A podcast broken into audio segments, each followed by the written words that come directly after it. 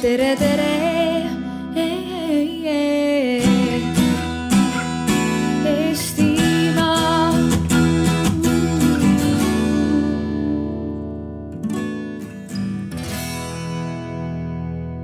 Tere tulemast Hea kliima alale ja täpsemalt arutelule, kuidas, milliseid võimalusi on kodanikul kliimapoliitika mõjutamiseks. Ja kui eelmine eel,, eile ma käisin ühel arutelul, kus oli moderaator, kes ütles, et kui te olete sattunud valele arutelule, siis nüüd on see hetk lahkuda. siis ma mõtlesin, et ma enda arutelu puhul küll julgeks öelda, et ma arvan, et kliimapoliitika on praegu üks äh, väga olulisi teemasid, nii et juhul, kui te olete valel arutelul, siis julgelt jääge siia, te kindlasti ei kaota midagi mina olen Kaisa Jõgeva Teede Stratlabist ning olen koostöös Keskkonnaõiguse Keskusega ja tegelikult ka tänaste panelistidega seda arutelu ette valmistanud. ja formaat täna on meil kaasav, kaasav paneel, mis tegelikult ei tähenda ei rohkem ega vähem kui seda, et on lihtsalt mingid momendid, kus me panelistidega hea meelega võtaks teie küsimusi, kommentaare, et tekiks selline hea dialoog siin rahva ja panelistide vahel. Nii, ma luban, et ma kohe jõuan meie põnevate panelistideni, aga ma annaks ka natukene tausta, et äh, mille, milles me nii-öelda täna ujume, kui me lahkame seda teemat, et milliseid võimalusi on kodanikul kliimapoliitikat äh, mõjutada. et äh, eelmise aasta sügisel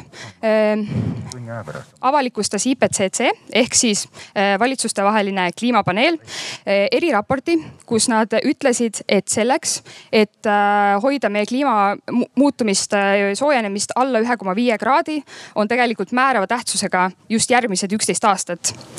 siis sealt edasi, eelmise aasta lõpus said kokku saja üheksakümne viie riigi esindajad, täpselt needsamad, kes mõned aastad tagasi võtsid vastu ja allkirjastasid siis Pariisi kliimaleppe. Ja olenemata sellest, et tegelikult juba sügisel tuli välja see raport, kes ütles, et tegelikult me peame hoidma oma kliima soojenemise alla ühe koma viie ja meil tegelikult optimistlikult on ainult üksteist aastat, siis ikkagi riigid ei olnud valmis näitama üles entusiasmi olla ambitsioonikamad oma eesmärkides.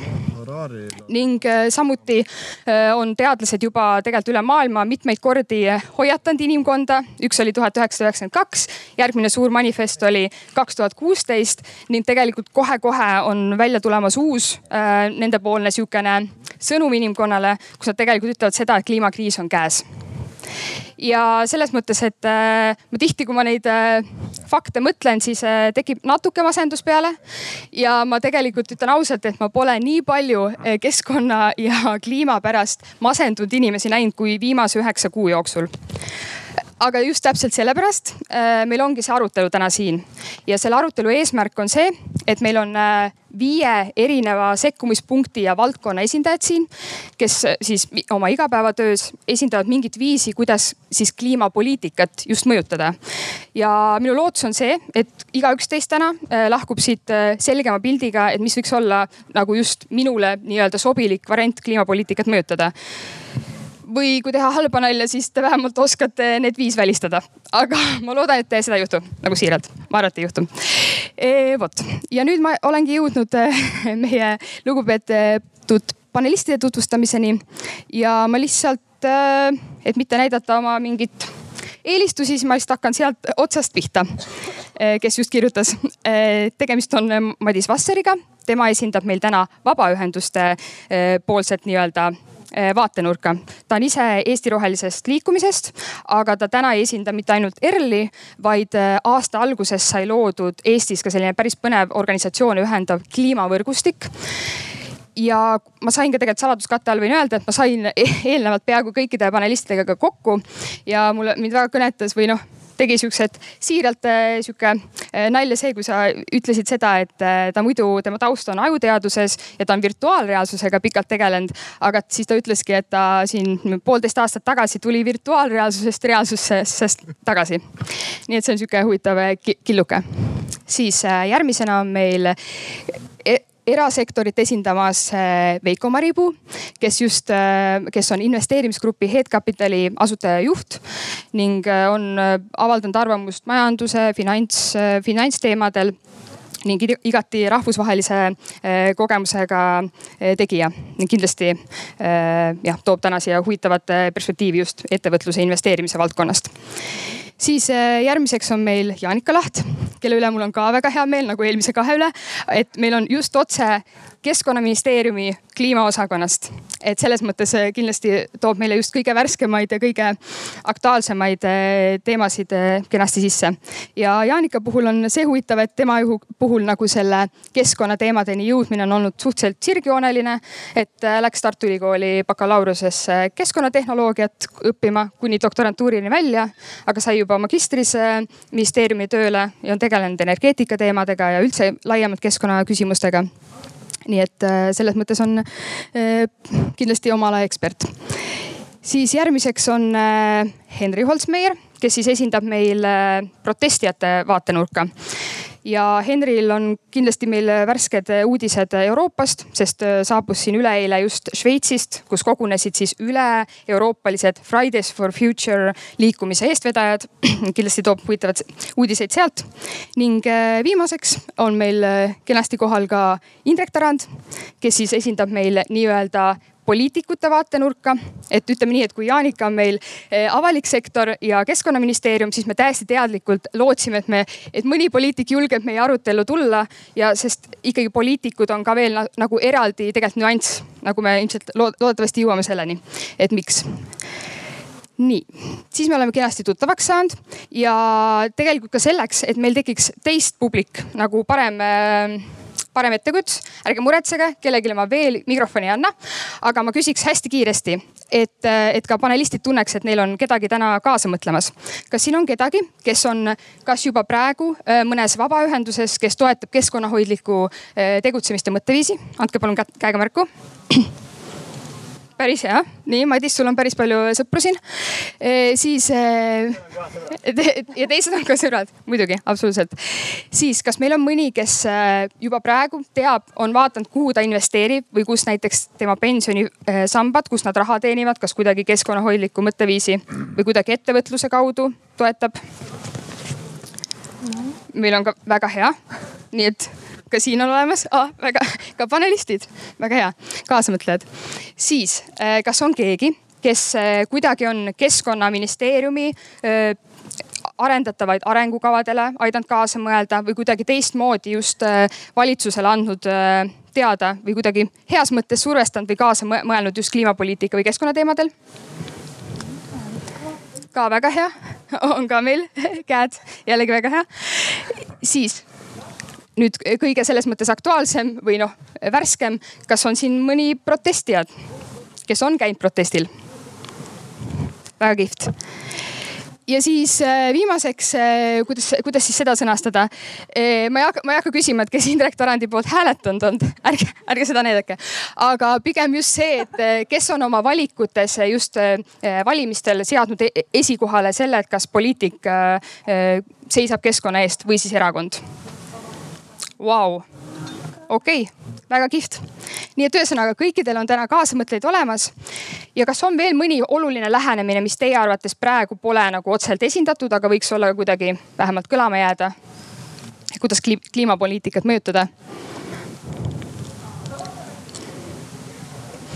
ei ole praegu, siis on väga hea, siis tundub, et me katsime päris hästi nende viiega ära.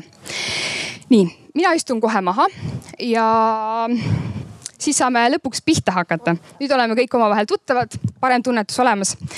et äh, esimesena äh, ma paluksin meie panelistidel äh, umbes kolm, umbes äh, kolme minuti jooksul äh, avada lihtsalt sissejuhatuseks, et milline on just teie valdkonna või lähenemise roll just kliimapoliitika mõjutamisel, et, et äh, saada nagu ülevaade, et kas me mõistame neid süsteeme nii, nagu me arvame, et mõistame ja siis julgelt äh, publik saab äh, küsida lisa, kui mingid kohad jäävad segaseks või tahaks rohkem teada.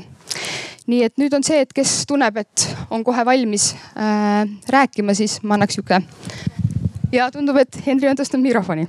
ja täpsustan, et äh, ma ei esinda ainult Fridays for Future ehk Noored Tuleviku nimel liikumist, vaid ka vastu akvallsuremisele, mis on teadlaste ja tudengite eestvedamisel kodanikuallamatus Äh, protestijatena meie oluline roll on teha häält. meie oleme need, kes annavad märku, et olukord on kriitiline ja tarvis on tegutseda et meie oleme need, kes pakuvad poliitikutele toetust, et, et jah, meie kui rahvas, meie soovime, et tehakse olulisi ja keskkonnasõbralikke otsuseid. meie oleme need, kes ütlevad, et, et kui meil ongi kümme protsenti tõenäosus jõuda kuue kraadini ja ainult viis protsenti tõenäosus jääda alla pooleteist kraadi, siis meie katsume seda tõtt ka välja öelda, olgugi et see võib ebameeldiv olla. meie üks oluline funktsioon on ka hoida teemat pildil. et äh, me elame täna tähele, tähelepanu maja, majanduses. iga klikk otsib üksteist taga, meediakanalid võidu seletavad, kes, kus, mis halvasti juhtus. ja noh, ilmselgelt töökaaslased ja vanaema ja koer ja kõik tahavad meie tähelepanu. et äh, tihti juhtub nii, et maailmas ei ole aega hoolitseda selle eest mis maailmas toimub. meie soovime inimestele olukorda meelde tuletada, et jah, meil on siiamaani probleem ja me peame selle ära lahendama. et olla nagu pildis selle teemaga, et, et ta ei vajuks ära kuhugi ja,. jah, jah, et olla pildis. ja viimasel ajal ma olen täheldanud, et meie funktsioon on ka anda lootust, et tihtipeale olukord näeb lootusetu, vähesed usuvad, et meie poliitikud on täna kompetentsed üldse probleemi lahendama ja. ja sukeldudes detailidesse on paljud välja tulnud depressiooniga, et olen ise ka seal ära käinud, et, et meie toome ilmsiks, et need probleemid, millest võib-olla meist paljud südames on mõelnud, et, et me ei ole nendes üksi, vaid need on meie kõigi ühised probleemid. meie roll on inimesi liita, meie roll on olla see, see lootus, kes näitab, et muutused on võimalikud, et, et tunneli lõpus äkki on valgus või võiks veel valgus olla nii et kui on keegi väga masendunud inimene selle juba nende teemade pärast ja tunneb, et ta ei suuda kuidagi tegutseda, siis te oskate juba tuua neid inimesi välja ka sealt? no üldjuhul ja tegutsemine on parim ravim okei okay,, aitäh kas selle kohta on ka küsimusi ja julgelt kaaspanelistid, kui teil on küsimusi üksteisele, siis julgelt küsige. kas see läks tööle? nüüd läks. nüüd läks. ma võin siit kohe jätkata, sest mul äh, hakkan kohe sellest Henri sõnast kinni, et äh, nagu on öelnud äh, Eesti ametiühingud, tunneli lõpus on valgus ja see valgus ei tohi olla rong ehk siis mida, mida vabaühendused üritavad teha, on äh, aidata kaasa sellele, et see ei oleks rong, mis seal tunneli lõpus tuleb. ja kuigi ma täna olen siin Eesti Rohelise Liikumise esindaja, siis minu mõttelise selja taga on, on organisatsioone veel, et, et ERL tuleb siis nagu selgeks teha, et ERL on mittetulundusühing, keskkonnaühendus, mitte erakond. see on hästi oluline, sest väga paljud ajavad segamini ja ERL kuulub äh, Eesti Keskkonnaühenduste Koja liikmete hulka. Äh, meil on koos Keskkonnaõiguse Keskuse ja Eestimaa Looduse Fondiga üks suur põlevkiviprojekt ja selle põlevkiviprojekti sees on siis kliimavõrgustiku projekt. ühesõnaga, et, et Eestis on väga palju vabaühendusi, kes kuidagi otsapidi keskkonnateemadega tegelevad. ja ma siis katsun rääkida nende kõikide eest nii üldiselt kui võimalik Ja mis on vabaühenduste roll kliimapoliitika kujundamisel, on äh, see, et riigil on kohustus vabaühendusi kaasata. ehk siis äh, me oleme sihukene möödapääsmatu osa ja, aga see kaasamine võib olla väga erinevates vormides. et kõige parem vorm ongi seesama kaasatus, kus, äh, kui mingi uus mm, seadusemuudatus või eelnõu tuleb kellelgi pähe, siis hakatakse kohe väga varases staadiumis äh, siis vabaühendustega koostööd tegema, et, et loome seda ühiselt. mis teie arvate, mis meie arvame, mis teie arvate, edasi-tagasi põrgatamine. sellest on võib-olla üks hea näide mereala planeering, mis hiljuti või siiamaani käib, kus tõesti on väga põhjalik eestöö olnud natukene kehvem variant on konsulteerimine, kus ministeerium või, või kuskilt tuleb mingisugune eelnõu ja öeldakse, et näh, sihukene asi, mis arvate, see põhimõtteliselt on valmis aga vaadake üle. Mm, et seal saab ka ikkagi tagasisidet anda ja seda vahepeal arvestatakse, vahepeal mitte.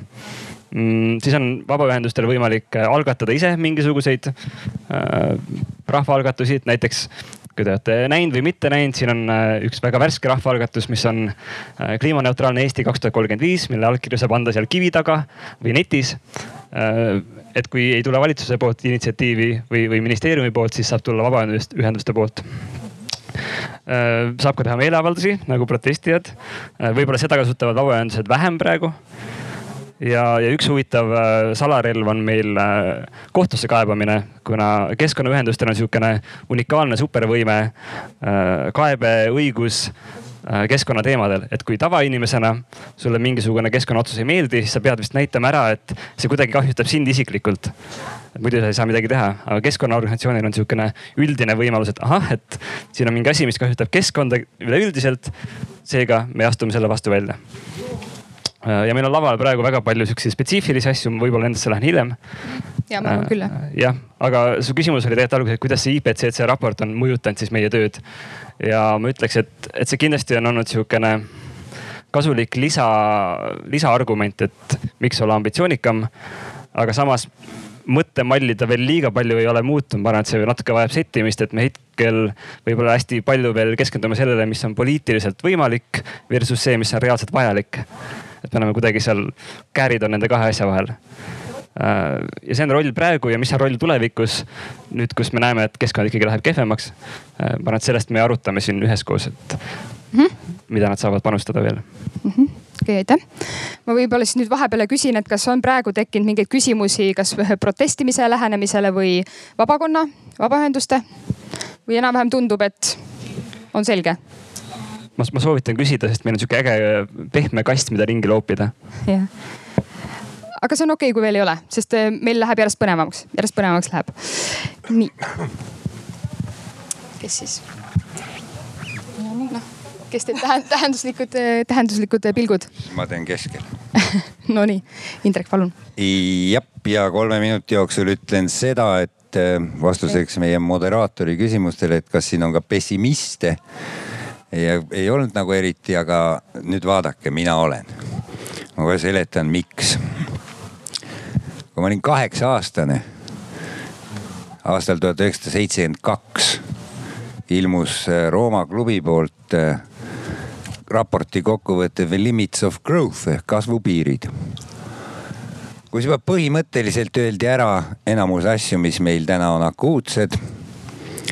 ja ja võib-olla tõesti rõhuti rohkem sellele, et eh, fossiilsed kütused lihtsalt saavad sellise tarbimismudeli juures otsa ja võib-olla seda CO2 heidet ja selle mõju eh, kliima soojenemisele ei osatud näha.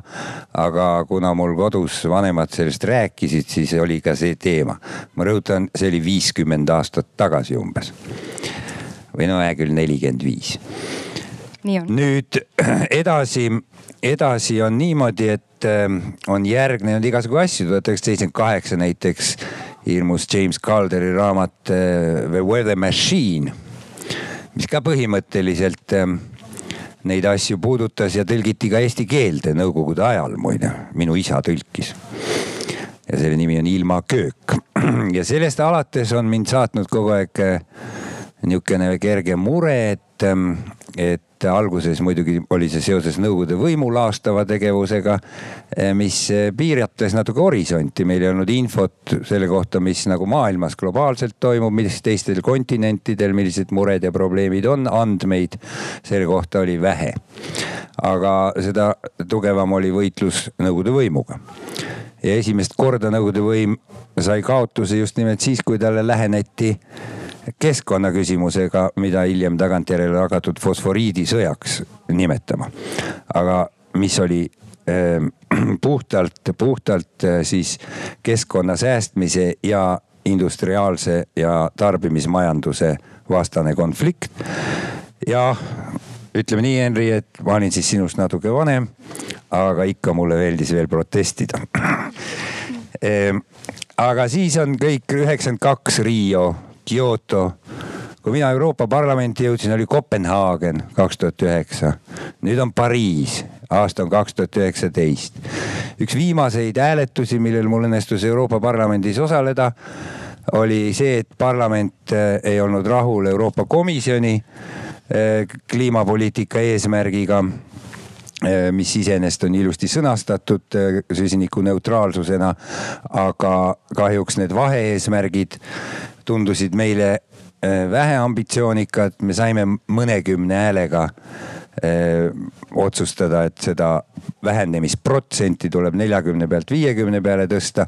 aga see oli ka kõik, sest me oleme kaasseadusandja, mitte päris parlament ja meie otsused ei ole selles mõttes täiskohustuslikud, et me ei saa äh, jonnivat valitsust maha võtta. Ja nüüd on mu kolm minutit täis ja ma viskan õhku järgmise mõtte et siin tõsteti ka käsi, et meid huvitab valimistel Äh, see, et ähm, kas poliitik hoolib keskkonnast, kas tal on ideid äh, kliimamuutuse alal või mis tahes muus keskkonna küsimuses, sealhulgas kõigi nende komplitseerituses, sest kohe tuleb vastata küsimustele, ei piisa loosungist, et säilitame metsad, tuleb vastata ka küsimusele, kust tuleb elekter ja nii edasi. aga nüüd ma ütlen, et võib-olla teie, kes te siin olete ja kui ma õigesti lugesin, meid on siin alla saja, hääletategi niimoodi.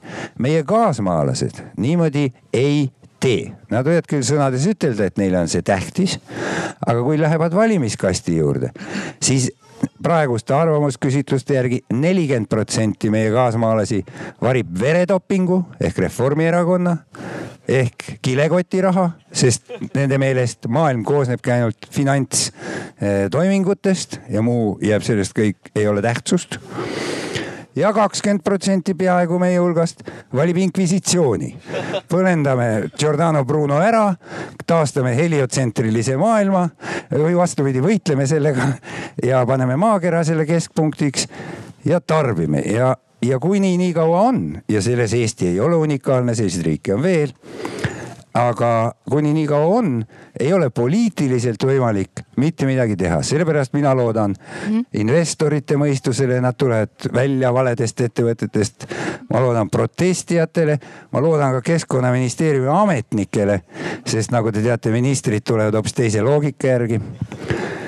-hmm. ja noh, vabaühendused, mis seal salata neid vaadake, et teid ainult kaasamisel surnuks ei kägistata. ametnikele makstakse kaasatus, kaasatud olemise eest, te teete vabatahtlikult. see, see on aus, see on aus. okei okay väga hea, järelikult nii, ma näen, et äh, ja siin oli nii palju, millest kinni haarata.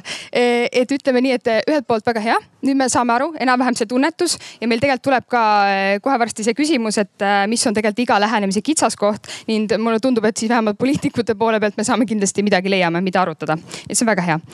aga võib-olla, kui siin juba, ma ei tea, näiteks siis äkki Veiko tahab üle võtta, kui tuli see investeerijate poole see kommentaar ka ja tervist.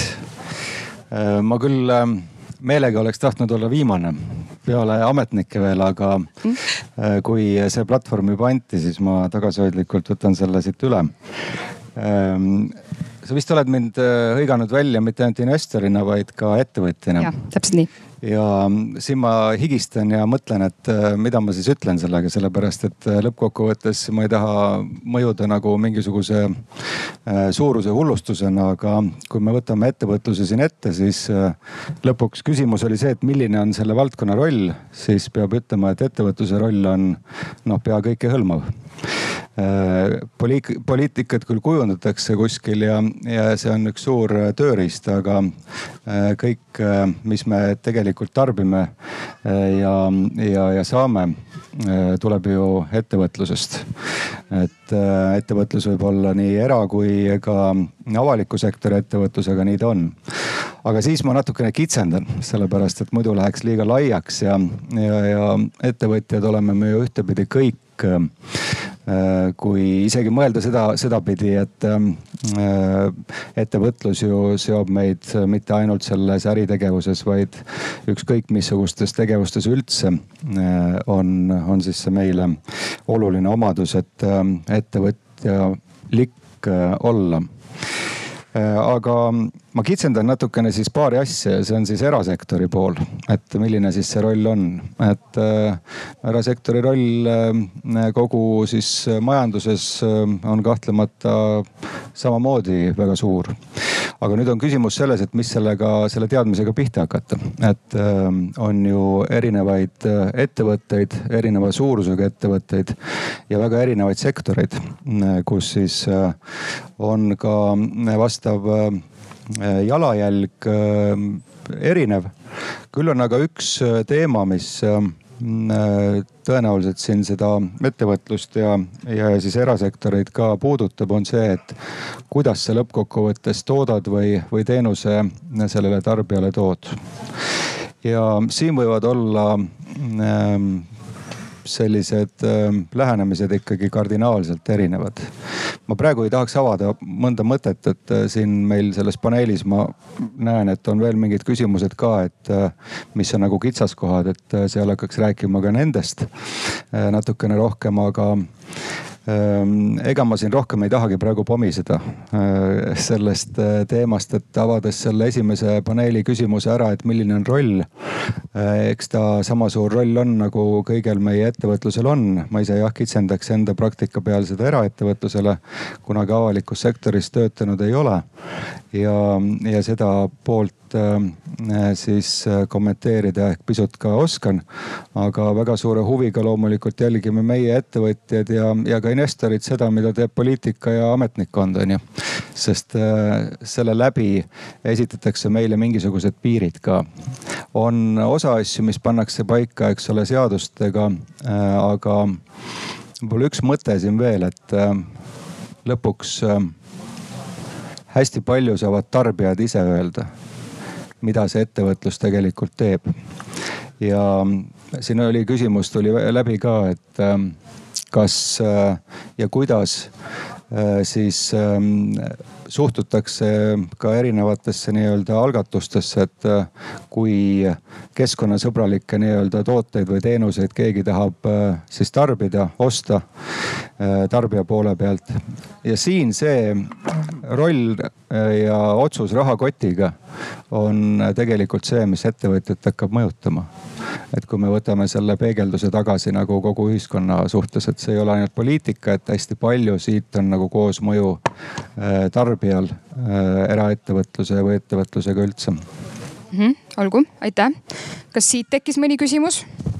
et just äh, eraettevõtluse ja selle osas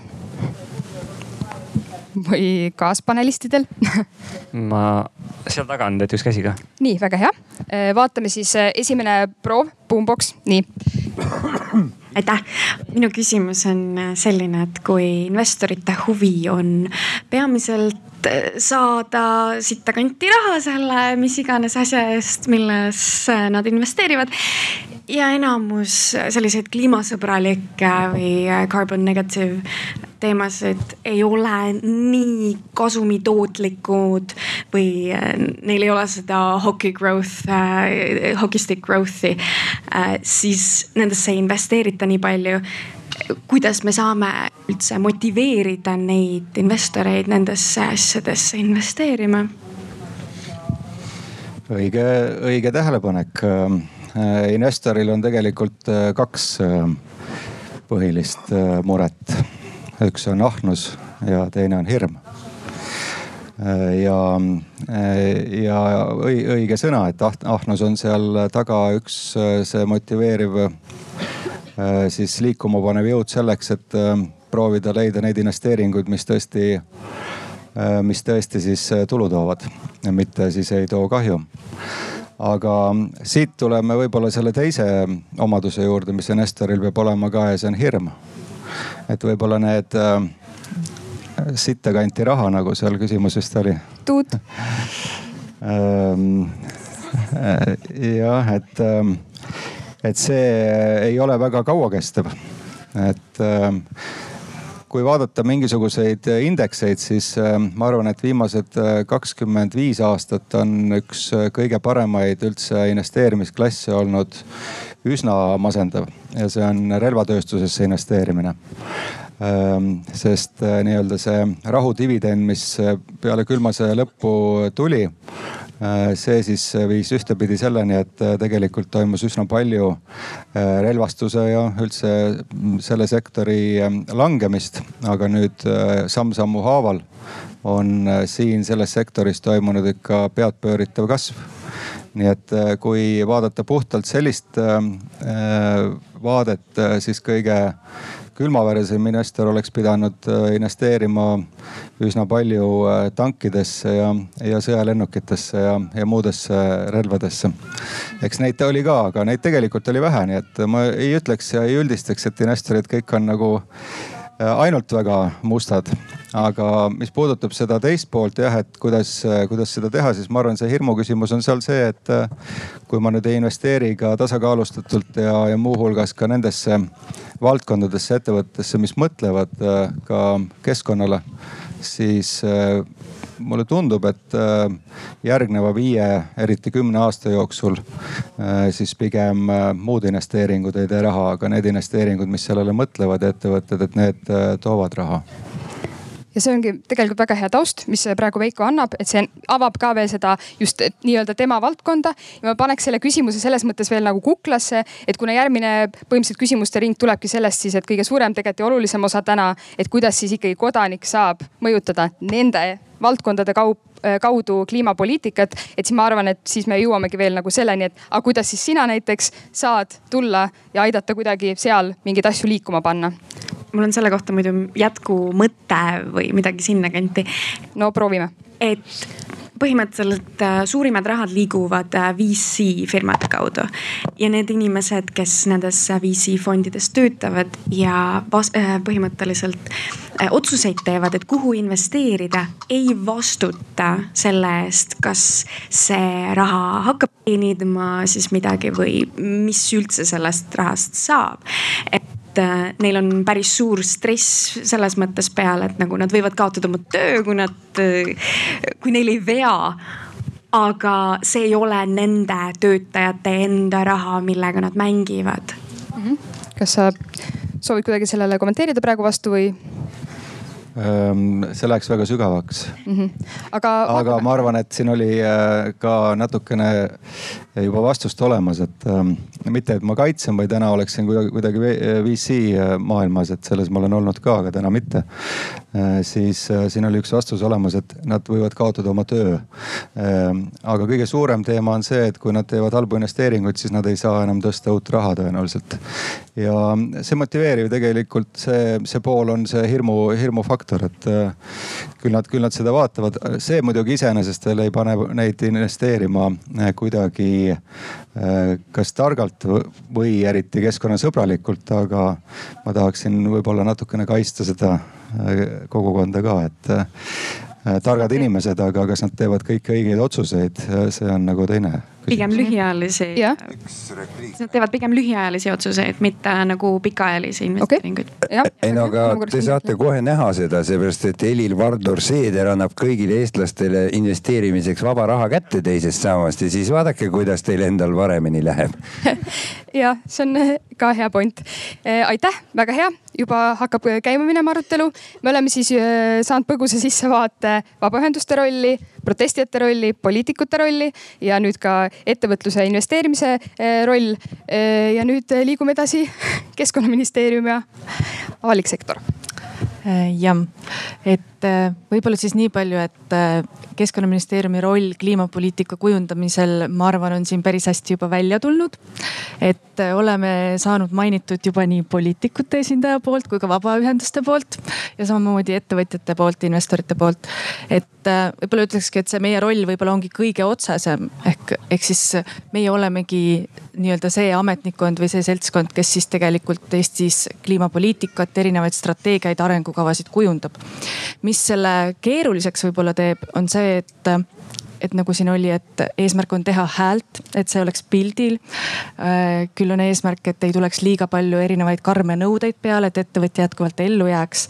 et tegelikult meie roll ongi siin kõikide nende erinevate nii-öelda inimeste, erinevate arvamuste vahel žongleerida. kuidagi leida siis äh, see variant, mis võiks lennata nagu me teame, siis äh, kompromiss on alati selline, selline lahendus, kus siis äh, mitte keegi tegelikult ei ole päris, päris rahul selle lahendusega. aga kahjuks siis ametnikkonna roll on selline, et võtta kuulda nii ettevõtjaid, võtta kuulda protestijaid ja samas ka arvestada sellega, mis toimub valitsuses, riigikogus, nii-öelda poliitikas. et mis võiks lennata, mis mitte ja, ja, ja selle kõige najal siis kuidagi nii-öelda kujundada see väike looklev rajakene sinna tuleviku suunas aga kui ma tohin vahele küsida, et äh, aga kas sa näed kuidagi ka seal oma ministeeriumis, et, äh, et on nagu ka kuidagi üritatakse protsesse nüüd kiirendada selle valguses, et tõesti me järjest rohkem saame seda sõnumit, et aeg hakkab otsa saama, et kuidas sa ise näed seda? Eh, tahtsin just sinna jõuda, et äh, tänu sellele samale eelmise aasta lõpus ilmunud IPCC raportile siis tegelikult peaks ütlema, et, et kui siiamaani on tegelikult teadlikkus kõikidest nendest kliimateemadest olnud väga-väga madal, sellel teemal on vähe räägitud ja, ja kui me vaatame üldiselt eestlasi, siis äh, ega see teema ei ole väga selline populaarne teema, millest rääkida. enamik inimesi kas lihtsalt eitab seda või eirab või üldse ei tee sellest kuulmagi, sellepärast et see ei puuduta neid. ja siis on, ja siis on see väike, ma julgeks öelda veel üsna väike seltskond sihukesi aktiivsemaid ja häälekamaid inimesi. ja, ja ma pean ütlema, et tänu nendele nendele tegelikult on see teema olnud pildis, see on järjest nii-öelda laiemat kõlapinda saanud ja tänu sellele on see ka jõudnud siis ütleme äh, kõrgematele korrustele ja koridoridele. nii et, et tegelikult tänu sellele samale IPCC raportile see aktuaalsus on tõusnud.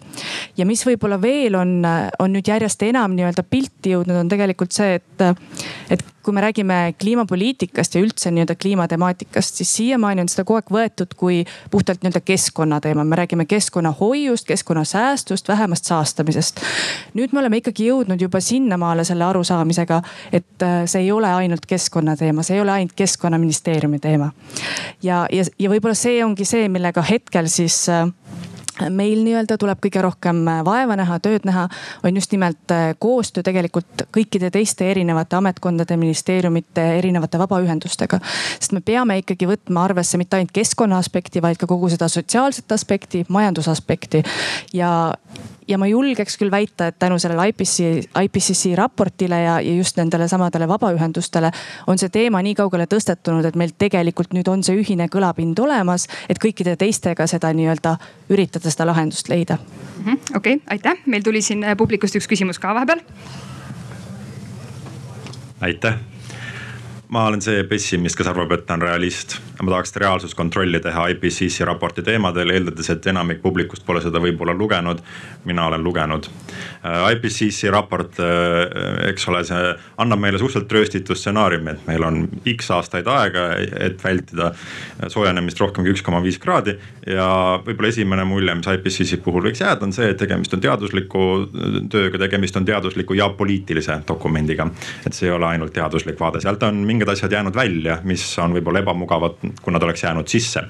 Äh, ja see IPCC raport, mis on rööstitud, seda niigi suudetakse noh võrdlemisi halvasti võib-olla poliitika tegemises arvesse võtta ja see raport ikkagi kukub läbi äh, siis sihukese poliitika juhenddokumendina kolmel juhul, mis kõik peavad paika.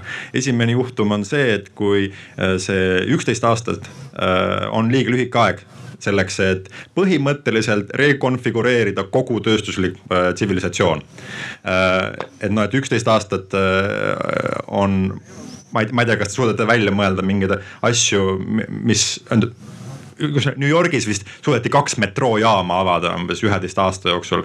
kogu tööstuslik modernsus üheteist aasta jooksul, see ei ole väga tõenäoline. teine tingimus, kui IPCC raport kukub läbi, on see, et äh, kui soojenemine, millesse me oleme juba lukustunud, on suurem kui üks koma viis kraadi. Äh, ja kuna IPCC raport ei võta arvesse erinevaid tagasisidemehhanisme, mis on natuke liiga ebamugavad, siis see tingimus peab ka paika. ja kolmas tingimus, kui IPCC raport peab paik-, tähendab, kui IPCC raport kukub läbi, on see, et kõik stsenaariumid selles raportis, mis näevad ette soojenemist, mis on üks koma viis kraadi või vähem, põhinevad tehnoloogiatel, mida ei ole olemas ja võib-olla ei saa kunagi olemas olla.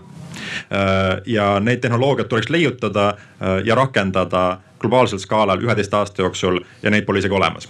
Äh, et IPCC raport ei toimi poliitika juhenddokumendina kolmel juhul, mis kõik peavad paika. Reality check lihtsalt väike teile. ma lootsin, et panelistid raputavad pead, ütlevad ei, ei, kahjuks ma nägin, et nad noogutasid kaasa. kas te soovite kommenteerida seda? Äh, ma täiesti nõus sellega. Äh, see oligi, et, et kui Indrek ütles, et, et siin on paar pessimisti, et see oli tugev alahindamine. aga tegelikult ma tahtsingi küsida keskkonnaministeeriumilt selle valguses, et, et kui me tegelikult teame, et see, see teema on päris oluline ja päris äh, suur. et kas keskkonnaministeerium ise näeb ennast ühe ministeeriumina teiste ministeeriumite kõrval. et äh, nagu me oleme kuulnud sellest maja, mudelist, et meil on äh, kolm sammast, et on majandus ja on keskkond ja on ühiskond mis teeb sihukese väga mugava võimaluse, et me võtame keskkonna ära ja maja püsib või, või kas te näete või rõhute ka pigem sellele, et on sihukene äh, ringid üksteise sees, et sul on suur keskkonnaring on ju, mis on väga oluline, selle sees on kuskil ühiskond ja selle, kui ühiskond toimib keskkonna sees, siis seal on ka majandus kuskil. et kuidas te näete seda? See on väga hea küsimus. ei olegi niimoodi neid ringe joonistanud, et kas nad on nüüd kõrvuti või üksteise sees. Eh, mida ma võib-olla julgeks öelda, on see, et, et hetkel on küll nagu keskkonnaministeerium võtnud selle nii-öelda juhtiva rolli, et kogu seda asja siis nii-öelda vedada. aga just nimelt, et mitte üksi vedada, vaid sinna ongi siis need ühiskond ja, ja majanduspool nii-öelda juurde võetud. et, et võib-olla siis kasutada jah seda lähenemist, et see keskkond on see suur ring ja siis need ülejäänud tulevad sinna sisse jah, proovige majandusministrile mitte keskkonnaasjades sõna anda Neid on kaks. nii. nii et oleme saanud esimese ettepaneku, väga hea e,. liigume siis edasi e,. absoluutselt, ja. ma tahtsin investeerimise kohta küsida, et, et ähm, kui era, kas mul on õigesti meeles, et põhimõtteliselt äh, arenenud riikides üle viiekümne protsendi nagu toodab äh, government spending mis nagu ma aru saan, on ka relvatööstuse juures siiski palju suurema protsendiga kui erainvesteeringud. ja teine selline valdkond minu meelest on just energeetika, eh, kus on nagu vähemalt Eestis on kogu aeg nagu valitsuse poolsed investeeringud. ja selles mõttes ahnus ja hirm, eh, mis võiksid positiivselt mõjutada erainvestorit, nagu neid absoluutselt ei mõjuta sellepärast et eh, on hoopis teised kaalutlused taga. ahnus sageli saadab valitsussektorit, aga hirmu mingisugust eh, ei tunne nõukogu liikmed, välja arvatud vahetult enne valimisi jah, kas see on hirm või mingi muu ähm, omadus, mis neid, ma, ma päris täpselt äh, protsente ei hakka välja tooma, sest need on erinevad. riigi ja erasektori osakaalud iseenesest ka, aga äh, mõte, mõte oli, eks ole, tegelikult ju natukene teine, et äh, riik teeb ka investeeringuid. jah, nii ta on. Ähm, siin ma tahangi avada ühe eeskujulikuma näite sellest, ähm, kus tõenäoliselt on nii riiklik kui erasektor juba astumas sellist sammu näiteks, et äh, asjad liiguvad juba tükk aega äh, sellise keskkonna äh, mõttesuunal ka ja see on Norra. kus äh, teatavasti äh, siis Norra rikkuse aluseks paljuski äh, lisaks nendele toredatele uimedega tegelastele, võib-olla see ei andnud nii palju raha, aga õli ja gaas seal ühel hetkel tuli, nafta ja gaas ja tõepoolest, ehm, mis saab olla veel, eks ole äh, tänasel päeval äh, hullemat vist äh, vaenlast erinevatele ühendustele ka kui fossiilsed kütused. ja, ja seal Norra, Norra kahtlemata on selle jõukuse saanud just nende pealt, kuid juba väga tükk aega hästi koordineeritud tegevusega. Äh, nii riiklikul äh, kui ka erasektori tasemel on ikkagi võetud suunad Norras sellele, et äh, lihtsalt jõuga hakata investeerima rohkem invest sellistesse valdkondadesse innovatsiooni, mis tõepoolest keskkonda peab väga hästi silmas. Ja see eeskuju on tänasel päeval viinud selleni, et see on noh, suuresti ikkagi noh, meiega võrreldes kõikehõlmav.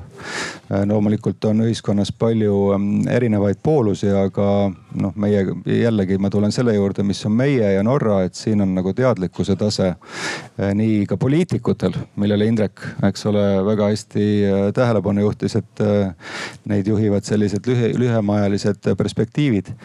aga seal on see kombinatsioon nagu hea kokku ja siin võiks olla see nagu meile üks, üks nagu mudelitest kus ka eraettevõtlus, aga ka investorid tegutsevad juba ma ei tea, kas sellest mõjutatuna. Äh, mõned kindlasti ka sellest, et see keskkond juba on selline, aga väga palju selles suunas, et äh, äh, tehaksegi ikkagi neid investeeringuid, mis on keskkonnasäästlikud ja seesama Norra nafta ja gaasi juurde tagasi tulles. ma arvan, et selle juurde tuleme veel paar korda siin selle paneeli jooksul, aga üks maailma suuremaid fonde muuhulgas on ka riiklik fond.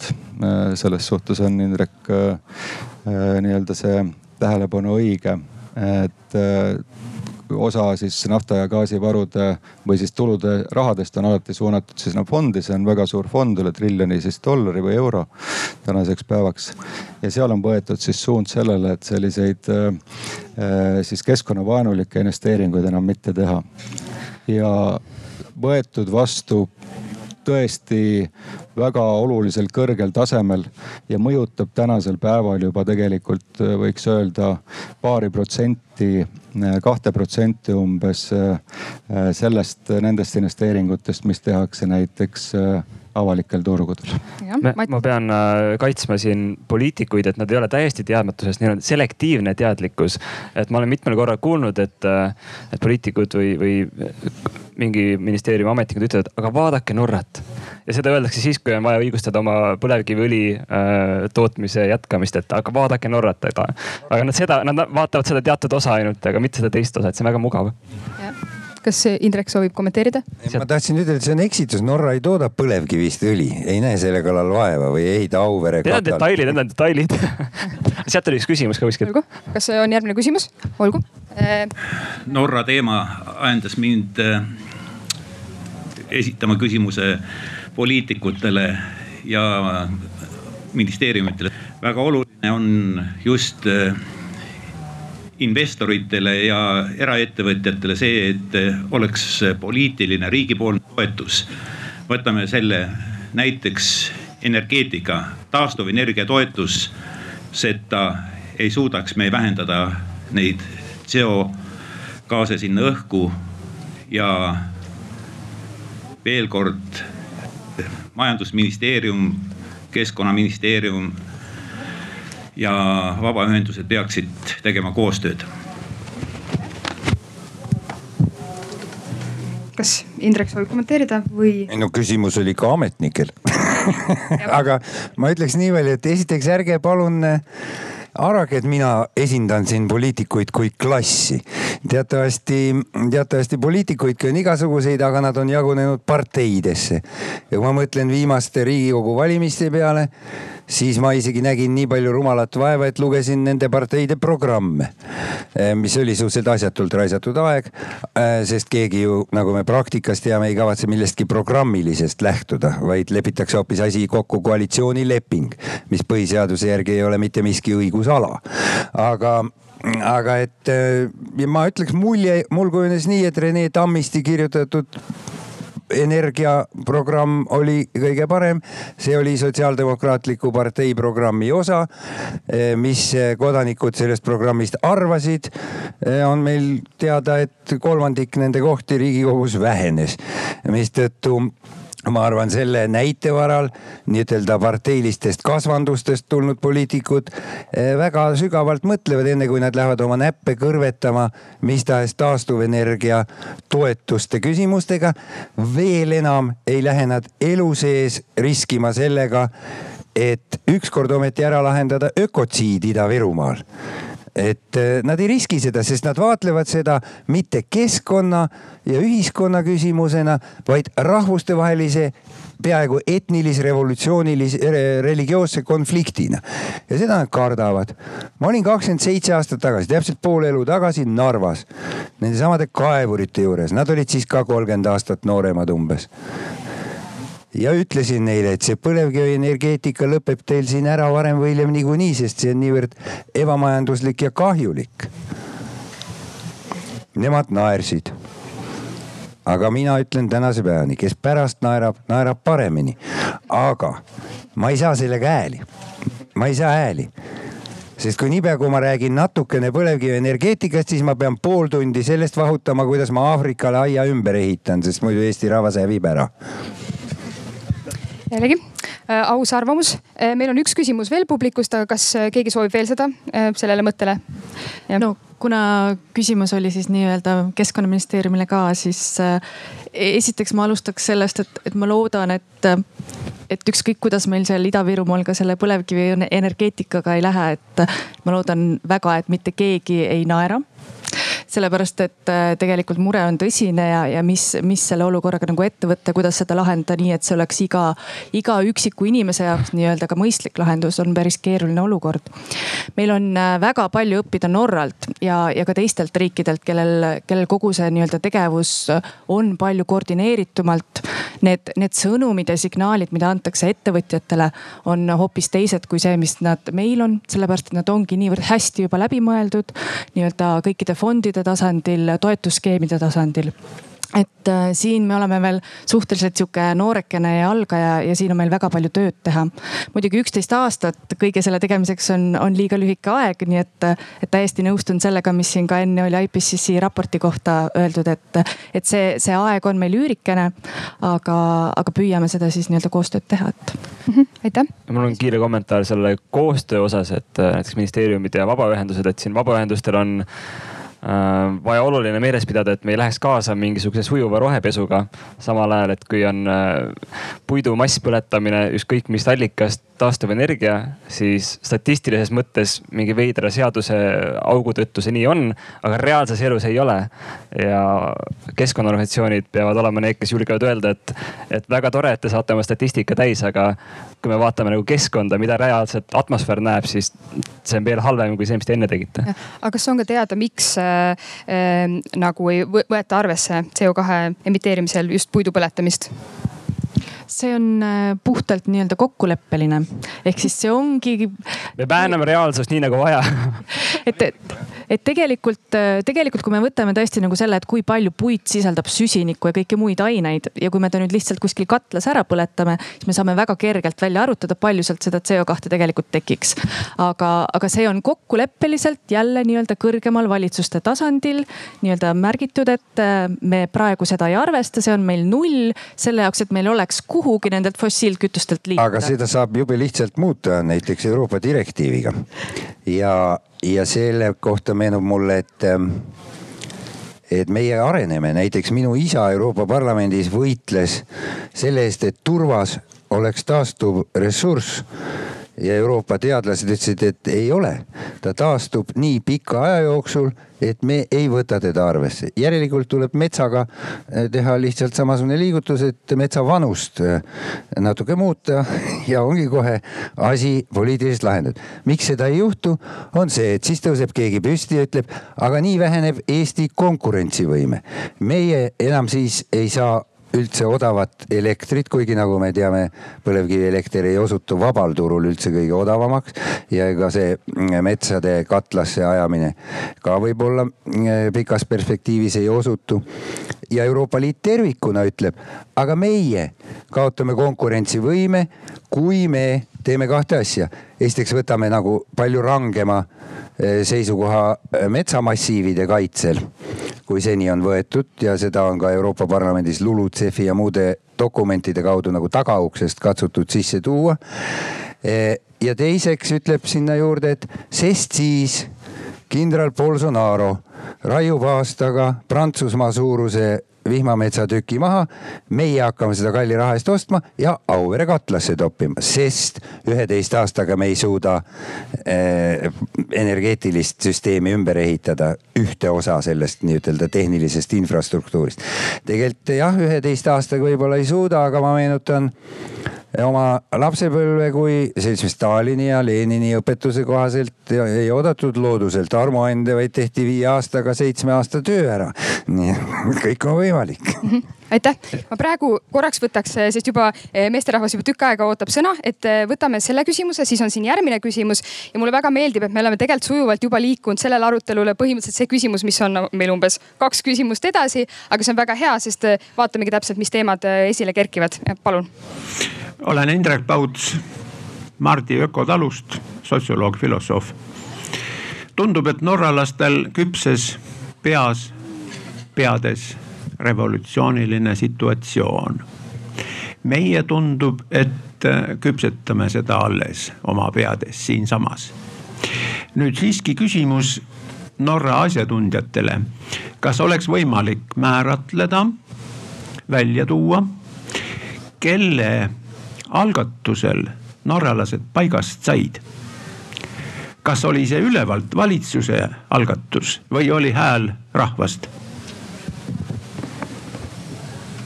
Mina sooviks selle Norra teema kohe ära lõpetada, sest nende energia tuleb üheksakümmend üheksa protsenti hüdrost nagu, see on mingi uforiik ei pole mõtet üldse võrrelda ennast nendega. Ehm, jah, ehm, see ei olnud küll ma, ma ei pea ennast küll Norra asjatundjaks, küll palju partnereid ja, ja tegevust selles suunas ja eeskuju tegelikult on, aga ähm, mulle tundub, et äh, see mm, sai kunagi ikkagi samm-sammult, eks mm, Põhjamaade, Põhjamaade nagu selline äh, suund äh, keskkonnahoiul on olnud pikka aega. ma mäletan, et kui kaks tuhat kümme ma ostsin sellise ettevõtte nagu Ecoprint, siis äh, üks sümpaatne mõte, miks seda investeeringut teha, oli see, et ta mõtles selle peale, trükiettevõte eks ole, trükib igasugused kemikaalid, värvid, mis äh, trükiprotsessis äh, on. mõtles selle peale, kuidas seda teha võimalikult keskkonnasõbralikult ja keskkonnateadlikult. Äh, ja siin ähm, üks ähm, põhjus, miks juba ka Ecoprint seda mõtles, ei olnud mitte ainult see nii-öelda roheline mõtteviis või puude kallistamine, vaid väga pragmaatiline. suur osa Ecoprindi selle aja turust oli Põhjamaades ja Põhjamaade tarbijad versus siinsed tarbijad Eestis juba oskasid küsida ja küsisidki, et kuulge, et kuidas te toodate oma neid trükiseid. siiamaani tegelikult Eestis ei küsi seda peaaegu keegi aga Põhjamaades on see juba olnud noh, mitu kümnendit äh, suur, suur küsimus ja teema üleval, nii et äh, ma ei tea päris täpselt, kust see tuli, aga, aga nagunii ta on. aga Norra, Norra osas ja energia osas on veel see võib-olla repliik, et äh, jah äh,, energia küll, aga eks ta Norra on ju palju rohkem tasakaalustatud, et mitte ainult energia, et seal see mõtteviis on siiski noh, ka ettevõtjana ja investorina eh, üsna, üsna ikkagi suure mõjuga ka sellele, mida tänasel päeval eh, ehk siis edumeelsemad investorid, ettevõtjad tegelikult silmas peavad mm. -hmm, aitäh ja ma korraks teen lihtsalt vaherepliigi, et tänase paneeli teema on meil, kuidas on võim-, kuidas on, millised võimalused on kodanikul kliimapoliitika mõjutamiseks. ja see ongi hea, sest me praegu põhimõtteliselt räägime juba kitsaskohtadest, mis me näeme, et erinevates valdkondades on. nii et äh, siit peab, saab juba hakata noppima mingeid, äh, mingeid praktilisi võib-olla ettepanekuid või vähemalt teemapüstitusi, millele me kohe paneme ka praktilised sammud taha. kuni selleni välja, et kuidas, kas kodanik saab üldse mõjutada kuidagi Euroopa direktiivide muutmist. et äh, väga hea, me oleme juba liikumas täiesti õiges suunas ja siin on veel üks küsimus. et kui Aasias ehitatakse sadu kivisöeelektrijaamu ja planeeritakse lausa mitmeid sadu neid. ja me tarbime sealt toodud mm, sellesama kivisöeelektriga toodetud toodangut, kõigil on meil nutitelefonid taskus ja televiisorid või mis iganes arvutid kodus et mis mõte on meil väiksel Eestil oma ainukene rahvuslik energia tootmine selle nimel põhimõtteliselt ära hävitada E, meie elekter on väga konkurentsivõimeline, kui me võtame selle jabura CO2 maksu sealt e, maha. aasialased teatavasti mingeid CO2 või kahe makse ei maksa ja ei lase ennast sugugi häirida. surnud Aga planeedil nende... ei saa raha teenida. jah, seda küll. ja, ma tänan, aitäh. E, võite korraks hoida enda käes. viskame oma telefonid siis kõik pidulikult minema. aitäh, et mina ütleks pigem selle, et see on, see on väga oluline teema ja täpselt sellel teemal arutelusid toimus ka eile ja ma ei ole kindel, kas täna ka, aga saab vaadata kavast, et see on täiesti eraldi, energeetika teema on täiesti eraldi teema ja kahjuks ma tõesti väga tahaks seda avada, aga lihtsalt ei jõua, sest eh, tahaks jõuda väga ka ikkagi sellele, mis me oleme täna välja lubanud.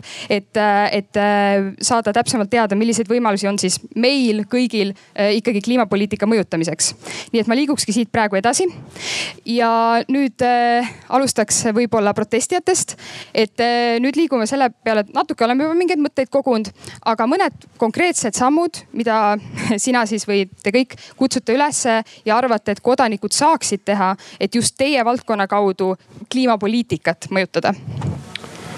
no üks asi, kakskümmend seitse septembril alustame üle-euroopaliselt noortega Euroopa kliimainitsiatiivile allkirjade kogumisega, mis äh, suunab, äh, mille eesmärk on suunata siis Euroopa raha siis ümber äh, teistesse fondidesse, et, et kliima ja keskkonna teemalist arene, arene, tehnoloogia arengu, arendustegevust suunata see on kindlasti üks asi, millele võib-olla tulevikus keegi tahab mõnel protestiaktsioonil alla kirjutada.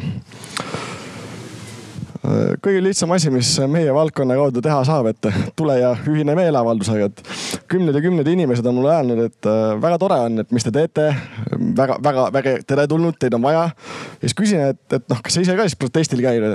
Öeldakse, et no ei, et noh, mul on omad tegemised ja aga vot see on hästi lihtne, et kui meil on viissada inimest protestimas siin Eestis ja meil on kolm tuhat inimest kodudes elavad kaasa, et no oi kui tublid noored, oi kui tublid vanaemad tulevad välja, siis, siis poliitik näeb seda viitesadat inimest seal, seal äh, platsil. et äh, selles mõttes tulge kaasa ja võtke sõbrad kaasa. kahekümne seitsmendal septembril on äh, järgmine globaalne kliimastreik väga tore oleks, kui meil oleks selle tuhande viiesaja inimese asemel väljas näiteks kümme tuhat inimest. sest kui siis meie poliitikud võtaks põlevkiviõlitehase vastu, siis tõenäoliselt see oleks poliitiline enesetapp hmm? kiire küsimus, kas kevadel, kui te saatsite kirja peaminister Jüri Ratasele, kes oli siis ühe teise valitsuse peaminister, aga ma võin kinnitada, et vaatamata välistele muutustele on ta ikka endiselt sama isik. eks ta vastand on teile või? Ja kaks kuud hiljem äh, ta vastas ja kut-, kutsus meid isegi kohtumisele, ütles, kui, kui, kui tublid me ikka oleme, et me sellist asja teeme ja seda on vaja. aga noh, muidugi tegevused ju räägivad teist juttu, et meil on põlev, põlevkiviõli on meil samal ajal vaja veel jah, aga äkki ma küsiks korraks äh, vahele, et äh, kõigepealt ma laseks küsimuse küsida ja siis ma küsin. jah, mul oli selline kommentaar, et äh, rääkides protestidest, siis äh, kõige nii-öelda efektiivsem äh, protestiviis ajalooliselt on siis äh, vägivallatu kodaniku allumatus. Ja seda me näeme näiteks äh, kas siis nagu civil rights movement'i näitel või mida Gandhi tegi või naiste õigused ja nii edasi, et selle kohta on nagu uuritud ja see on kõige efektiivsem. ja selle nii-öelda väljund siis kliima ja keskkonna teemas on Inglismaal näiteks Extinction Rebellion ja Eestis vastuhakk väljasuremisele ehk, ehk siis äh, kuidas kõige efektiivsemalt äh, protestide läbi mõjutada, on kindlasti liikuda, liituda just äh, selle liikumisega. mis on selles mõttes, aitäh, mis on selles mõttes väga hea, et sa selle välja tood, et äh, levinud äh, nii-öelda müüt või noh, hoiak on see, et protestimine võib-olla on vägivaldne, aga tegelikult ei pruugi ja selle kaudu äh, see võib saavutada palju rohkem mõju. aga ma praegu teeks nii, et võtakski, on ju, ma ütlen siis vahele ära, et, äh, et ma võtaks praegu järjest igalt äh, lähenemiselt nagu need praktilised sammud äh, nii lühidalt või pikalt kui on võimalik. ja, ja siis küsiks veel äh, publikult, et kas neile tundub, et need praktilised sammud, mis nad toovad välja, et esiteks, kas need on piisavad või kas te tunnete, et te päriselt saate nagu neid asju teha? jah jah, vägivallatu kodaniku allumõttes on efektiivne. Inglismaa näitel oleme seda näinud, kui vastuhakk väljasuremine seal oma aprillitegevusega alustas, siis teisel päeval kuulutas valitsus välja kliimakriisi eri, eriolukorra aga kui parlament jah, resolutsiooni, meie nüüd arvame nii. Aga, aga kui meid äh, aidata, siis aidake jõuga, et äh, meeleavalduste korraldamine, see ei juhtu niisama, et see on ikkagi nagu justkui suur festival et see hõlmab ennast palju, et noh, saab tulla vabatahtlikuks või avaldada kasvõi arvamust, et kuule, et väga tore, et selline asi toimub, et räägid sõbraga või kirjutad mõne artikli või, või tuleb meile appi, suhtleme koostööpartneriks, et noh, näiteks Saksamaal, miks üks, üks asi, mis väga hästi saavutati kahekümne seitsmendal septembril tuleb Saksa teenindustööliste ühing streigile kaasa kolm miljonit inimest eks. aga kui meil ei ole professionaalset suhtluspar-, suhtlusoskusega inimesi, siis, siis me ei pruugi seda siin Eestis saavutada, eks. meie oleme ikkagi nagu lihtsalt ilmul kodanikud, mitte professionaalsed projektijuhid. jah, arusaadav, nii et üks põhisõnum on see, et rahvas, tulge kaasa, näidake üles ennast. jah, ja, ja noh tulge tehke ka muusikat protestile, ikka see on väga tore. et Teine... kultuuriprogramm et.... jah teine, teine asi nagu igasugune know-how, et äh, äppide loomine või veebilehe disain või, või meediaplaani loomine, et nagu ka kõik sellised oskused on vajalikud ühe protestiliikumise ehitamisel. see, see ei juhtu niisama. nii et inimesed, mõnes mõttes kodanikud võiks mõelda, et protest on nagu ühe suure festivali korraldamine ja kui teie tunnete, et teil on mõni selline oskus, mida on väga hea just festivali korraldamise jaoks läheb vaja kuni disainini välja, siis võtke lihtsalt ühendust ja te, te saate endale mingi rolli või vähemalt saate panustada sellesse jah, ja noh kõige lihtsam, kuna me teeme kõike oma vabast tahtest, vabast ajast, siis äh, toetage rahaliselt. et me oleme MTÜ loonud, mille kaudu on võimalik toetada.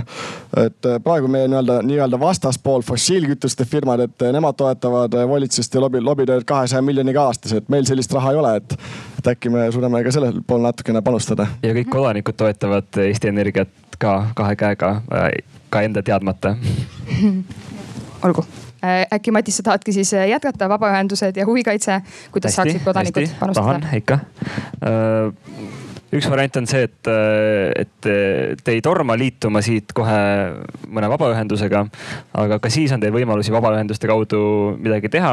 kõige lihtsam on nüüd järgmise poole tunni jooksul minna ja anda allkiri sellele rahvaalgatusele kliimaneutraalne Eesti kaks tuhat kolmkümmend viis ja üldiselt lihtsalt jälgida seda, mida vabaühendused teevad, sest äh, tihtilugu me lihtsalt võtame mingisuguseid äh, valitsuse otsuseid ja üritame tõlkida neid inimkeelde, sest nad on tihtilugu väga-väga-väga bürokraatlikus ja väga täpses äh, keeles, mida on väga raske mõista, et kui te soovite seda teha nagu lähiajal, siis seal taga äh, alanurgas on paar plakatit, mis üritab Eesti kliimapoliitikat seletada niimoodi kuue-seitsme ilusa, kauni värvilise postriga näiteks. ja muidugi, kes, kes tahab äh, rohkem panustada, äh, võib astuda liikmeks, võib isegi tulla tööle ja siis on tõesti seesama oht, mida Indrek siin mainis, et tõesti sind võidakse surnuks kaasata. et neid konverentse on väga palju väga palju ja erinevaid seminare mm,. aga kui sa oled lihtliige, siis ma arvan, et äh, vabaühendused saavad pakkuda sellist äh, teadlikkuse tõstmist ja oskuste tõstmist, et igasuguste koolituste kaudu, et aru saada üldse, et mis siin kliimateemas toimub, et mõni inimene saab omal käel valgustatuks ja loeb IPCC läbi. teistele on vaja seda võib-olla natuke lihtsustada äh,. ja mina näen veel ühe sihukese tuleviku funktsioonina võib-olla seda, et äh, kodanikud läbi nende keskkonnaühenduste saavad hakata valmistuma et äh, juhul, kui see IPCC kriitika kõik on õige, siis äh,, siis ongi väga raske nagu mingisugust katastroofi vältida, aga hea oleks siis teada, et nagu mis tuleb ja kuidas tuleb ja kuidas enda lähedasi võimalikult palju sellest mööda juhtida. Mhm. aitäh nii et meil on äh, protestijate poolt äh, praktilised sammud, vabaühenduste poolt, kes sooviks olla järgmine? no ma võib-olla võtaks siit äh, protestide juurest kohe sõnasabast kinni. et kõikvõimalikud protestid ja meeleavaldused on väga hea vahend. ja puhtalt juba sellepärast, et siis on see teema pildil ja, ja see jõuab ka nii-öelda võib-olla nende inimesteni, kes selle peale igapäevaselt ei mõtle.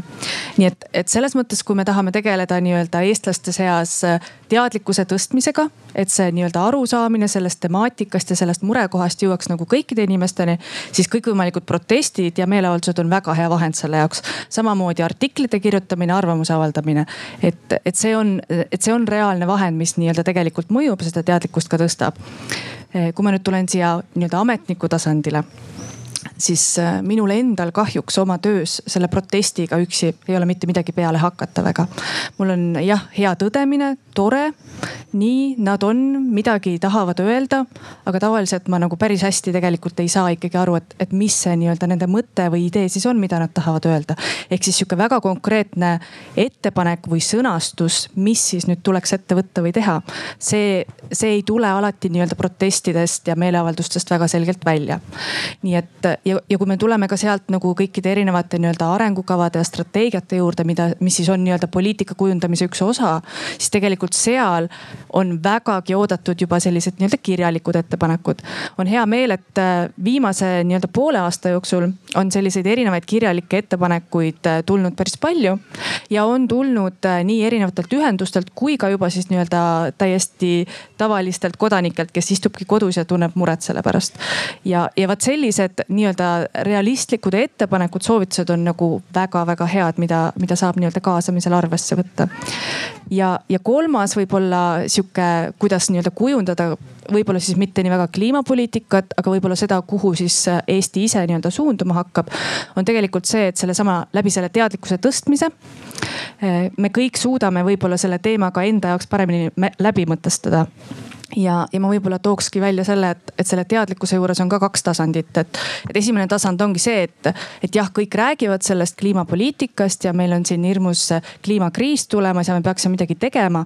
teine on see, kui sa lähed järgmisele tasandile ja sa te tegelikult seostad seda juba omaenda igapäevaste tegevustega. ja see, kuidas meie oma igapäevased tegevused ise nii-öelda läbi mõtestame ja, ja just nimelt küsime, et miks, miks ma näiteks seda toodet ostan või, või teist toodet ja, ja kui ma midagi tellin või trükin, siis ma vaatan, et, et aga kuidas nad seda toodavad. et, et need on nagu need sammud, mida igaüks saab tegelikult ise, ise ka teha ja läbi selle siis nii-öelda suunata seda arengut mm. -hmm, aitäh, ma nägin, et publikust on küsimus ka, aga laseks ära rääkida kõik eh, need eh, siis erinevad eh, lähenemispunktid, me kindlasti saaksime need täna öeldud. et meil on kenasti tegelikult veel pool tundi aega maksimum, et, et laseme need praktilised ettepanekud ära kuulata, et kui te vähegi suudate, üritage oma küsimust meeles hoida et hea meelega võtan.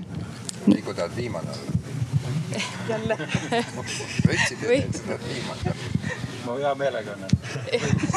kas, millised? ja ma võtan siis selle, et muidu see pingpong äh, äh, härraste vahel läheb jah, tõenäoliselt liiga pikaks. Ähm, ettevõtja vaade ähm, hästi pragmaatiline. ma pean muidugi tunnistama, et siin ettevõtjana äh, noh, vaevalt äh, väga palju selliseid ettevõtjaid on, kes äh, seda, seda raportit, eks ole, igapäevaselt loevad või oma selle löökapil hoiavad. et mõned tõepo, tõepoolest on sellega vähem või rohkem kursis või teavad üldse, mis üks koma viis kraadi on kuulnud, et mida tähendab ja Pariisi kliimaleppest ka. aga mulle tundub, et mitte ainult ettevõtjad, ega see ei ole mingisugune eri, eriline siis mingisugune äh, loomaliik siin planeedil, vaid tegelikult me kõik peaksime vaatama hoopis praktilisemaid samme, mis, mis teha. ettevõtjale tähendab tegelikult selline panustamine hästi-hästi pragmaatilist vaadet.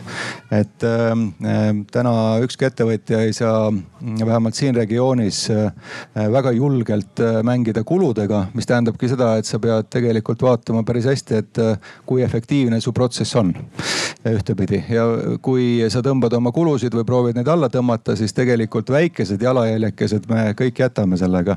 et äh, nii palju me siis enam ei tarbi äh, neid äh, siis sisendeid, mida võib-olla eile ja üleeile tegime minu ettevõtted, kes äh, mul tootmisega tegelevad, siis täpselt niimoodi nad seda vaatavadki ja, ja see on olnud päris äh, huvitav protsess, et kuidas seda jalajälge üldse äh, ettevõttes mõõdetakse.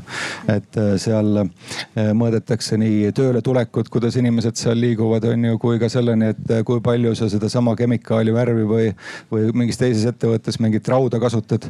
et ähm, see ei ole mitte ainult see teema, et see on mingi uhhuu või, vaid see on praktiline vajadus ka kokku hoida kulusid nendes tingimustes, kus tegelikult erinevate sisendite hinnad niikuinii kasvavad. ja, ja sul on vaja seda protsessi siis hoida, nii et äh, selle läbi sellised mõistlikud investori või ettevõtjad, kes äh, mõtlevad, et peaks ikkagi lõppkokkuvõttes ka kasumit saama joone alla, vaikselt ikka sellega tegelevad ka. Need ettevõtjad, kes mõtlevad ka tuleviku peale, peaks niikuinii mõtlema keskkonnateadlikumalt, sellepärast et siin oli üks küsimus sellest, et me tapame oma selle põlevkivisektori ära. aga nüüd ma tulen sellest ettevõtja äh, liivakastist hüppan nüüd investori ja ettevõtja poole ja ma küsiksin kõigi käest, et kas leidub siin kedagi, kui oleks valik teie enda rahaga. Indrek juba ütles, et varsti meil see valik kõik on, eks ole, osa pensioni äh, siis sammatest ja rahadest tuleb meie enda kätte. kas on kedagi, kes investeeriks sellisesse ettevõttesse, mis puhtalt tegeleks näiteks põlevkivi äh, tehnoloogia arendusega? ma ise küll ei julgeks investeerida sellisesse ettevõtlusesse ja siit tuleb tegelikult vastus, mis me peame küsima ka oma poliitikute käest. kui palju me ikkagi vaatame seda, ma ei räägi üldse sellest, et me kaevame selle põlevkivi maa alla ja jätamegi selle sinna. võib-olla ülehomme, viie, kümne, viieteistkümne aasta pärast on palju paremaid tehnoloogiaid, mis selle põlevkiviga teha. aga et seda ahju ajada sellisel moel, ma arvan, et äh, viie aasta, eriti kümne aasta perspektiivis see investeering on loll investeering puhtalt pragmaatiliselt seisukohalt, mitte, mitte mingi poliitiliselt või keskkonnateadlikult mm. -hmm. selge, aitäh. ja nüüd ma hästi kiiresti ütleks seda, et äh, siin kodanik esitas väga põhjendatud küsimuse, et kui Euroopa Liit, sealhulgas Eesti deinvesteerib kahjulikest ja mahajäänud tehnoloogiatest, aga samal ajal Aasia seda ei tee. siis ma lohutuseks ütlen, et ega see Aasia nüüd nii maha jäänud ka ei ole, et Shanghai just evakueeris mu kuulsin vist kakssada tuhat inimest mingisuguse kliimamuutuse tagajärjel kohale tuuritanud tormi eest ja, ja, ja küllap ka äh, must tuhk Himaalaja liustikel äh, on neile lihtsalt projitseeritav, sellesama üheteist aastaga seitse maailma suurimat jõgi, Mekong, Yangtze, Huanghe, Indus, Ganges ja nii edasi Eh, esialgu toodavad laheda üleujutuse, et siis on mudas võib-olla tore riisi kasvatada. aga pärast seda enam ei jää isegi elektrijaama tammi taha. Nad vett, nii et ega Aasiat ei maksa pidada nagu selliseks eh, täiesti mahajäänud riigiks. aga kuidas praktilises majanduspoliitikas see käib, toon kiiresti näite kui Euroopa Liit tahtis kehtestada ka sellele transpordiliigile nagu õhutransport eh, väikese CO2 saastemaksu sest nemad on harjunud ilma selleta opereerima. siis eh, andis Hiina diplomaat kohe mõista, et te võite selle oma firmadele kehtestada, kuid meie omad lendavad endiselt üle ilma maksuta ja kui Euroopa Liit ütles, et, et, et oot-oot-oot, aga teie lennukid on täpselt samasuguse, see fossiilkütuse pealt toimivad. siis hea küll, siis me ei osta Airbusi lennukeid, ostame Boeinguid. no oleks tollel ajal teadnud, et Boeingul läheb nagu ta nüüd läinud on, siis võib-olla oleks seda argumendina kasutanud. aga, aga, aga niisugune värk on. nüüd, kuidas kodanik saab poliitikut mõjutada? kaks väga lihtsat moodust, meil on esindusdemokraatia ja, ja seal on poliitik, eriti Eestis, on suhteliselt kättesaadav inimene. sa kohtud temaga tegelikult nii tasuta ühistranspordis kui trasulises. näiteks Brüsseli lennujaamas just on niimoodi, et see on nagu kloaak. et kõik eestlased tulevad selle värava juurde ja sealt tutvuvad ja arutavad ja, ja mul ei ole kunagi kahju olnud, kui keegi ütleb, et sa teed seda või teist halvasti või kas sa tead, et ka nii peaks tegema.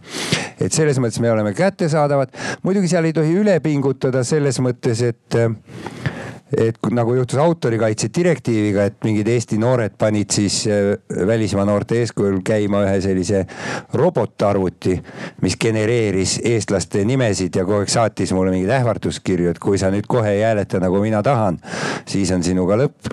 allkiri Tarmo Teder, aga kuna ma juhtun tundma mõlemat Tarmo Tederit Eestis, nii seda, kes sel suvel kahjuks ära suri, kui seda, kes ellu jäi. ja kumbki neist ei olnud mulle saatnud seda kirja, siis noh vihastad ja ütled, et ah, vot et ei tee nii, nagu te siin ähvardate. aga sellised meetodid on kõik olemas, on olemas demonstratsioonid. ma väga Henri korraldatud demonstratsioone kiidan, sest ma käisin seal ja erinevalt EKRE demonstratsioonist keegi mulle kallale ei tulnud et selles mõttes oli ka väga viisakas kõik. et äh, muidugi võimalusi on, aga ei maksa alahinnata ka äh, neid uusi võimalusi, mida seesama Aasia tehnoloogia meile loob, et, et äh, kõik need võrgustikud ja, ja asjad on võimalik enda huvides tööle panna. nii et näiteks minul, kui ma oleks ilgelt käru keeranud või nagu seal enne tütarlaps ütles midagi sitta kanti teinud. et siis äh, ma ei julgeks siia tulla. sest mul oleks häbi. ja tegelikult te võite vaadata, et parteilane on selline putukas, kellel au ja häbitunne puudub. tegelikult sügaval paksu naha all tal on see olemas. Ja kui me selle koha üles leiame, siis on ka üheteist aastaga kõik võimalik vot väga hea, ma just tahtsin küsida, et, et kas sa arvad, et see on nagu piisav, kui me võtame just selle üheteist aasta perspektiivi, aga sa kenasti lõpus vastasid. okei okay,, üks küsimus veel ja siis ma juba ütlengi seda, et me jõuame selle kohani, et äh, nüüd oleme kuulnud, millised on need praktilised ettepanekud nii vabaühenduste kaudu mõjutada, ettevõtluse kaudu, keskkonnaministeeriumi kaudu, protestijate kaudu ja poliitikute kaudu. ja nüüd ongi see hetk, kus oleks väga huvitav kuulata, et kas miski paneb teid kahtlema või veel parem, et kas on midagi, mida te nüüd tunnete, et oleks realistlikum, et te tahate tegelikult selle kaudu mõjutada rohkem, et siis kas teil on küsimusi või mõtteid selle osas, aga siit tuli üks küsimus.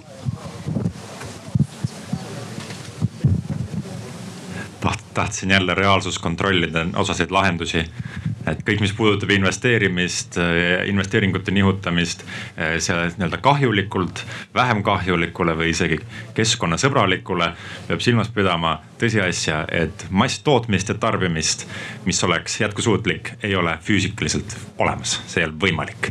sellepärast, et igasugune tootmine eeldab energiakulu, materjalikulu, piiratud materjalikulu äh,. selle transportimine omakorda tekitab energiakulu ja kõik see protsess to tootmisest tarbimiseni tekitab siis reostust, mis tuleb ladestada piiratud ruumis.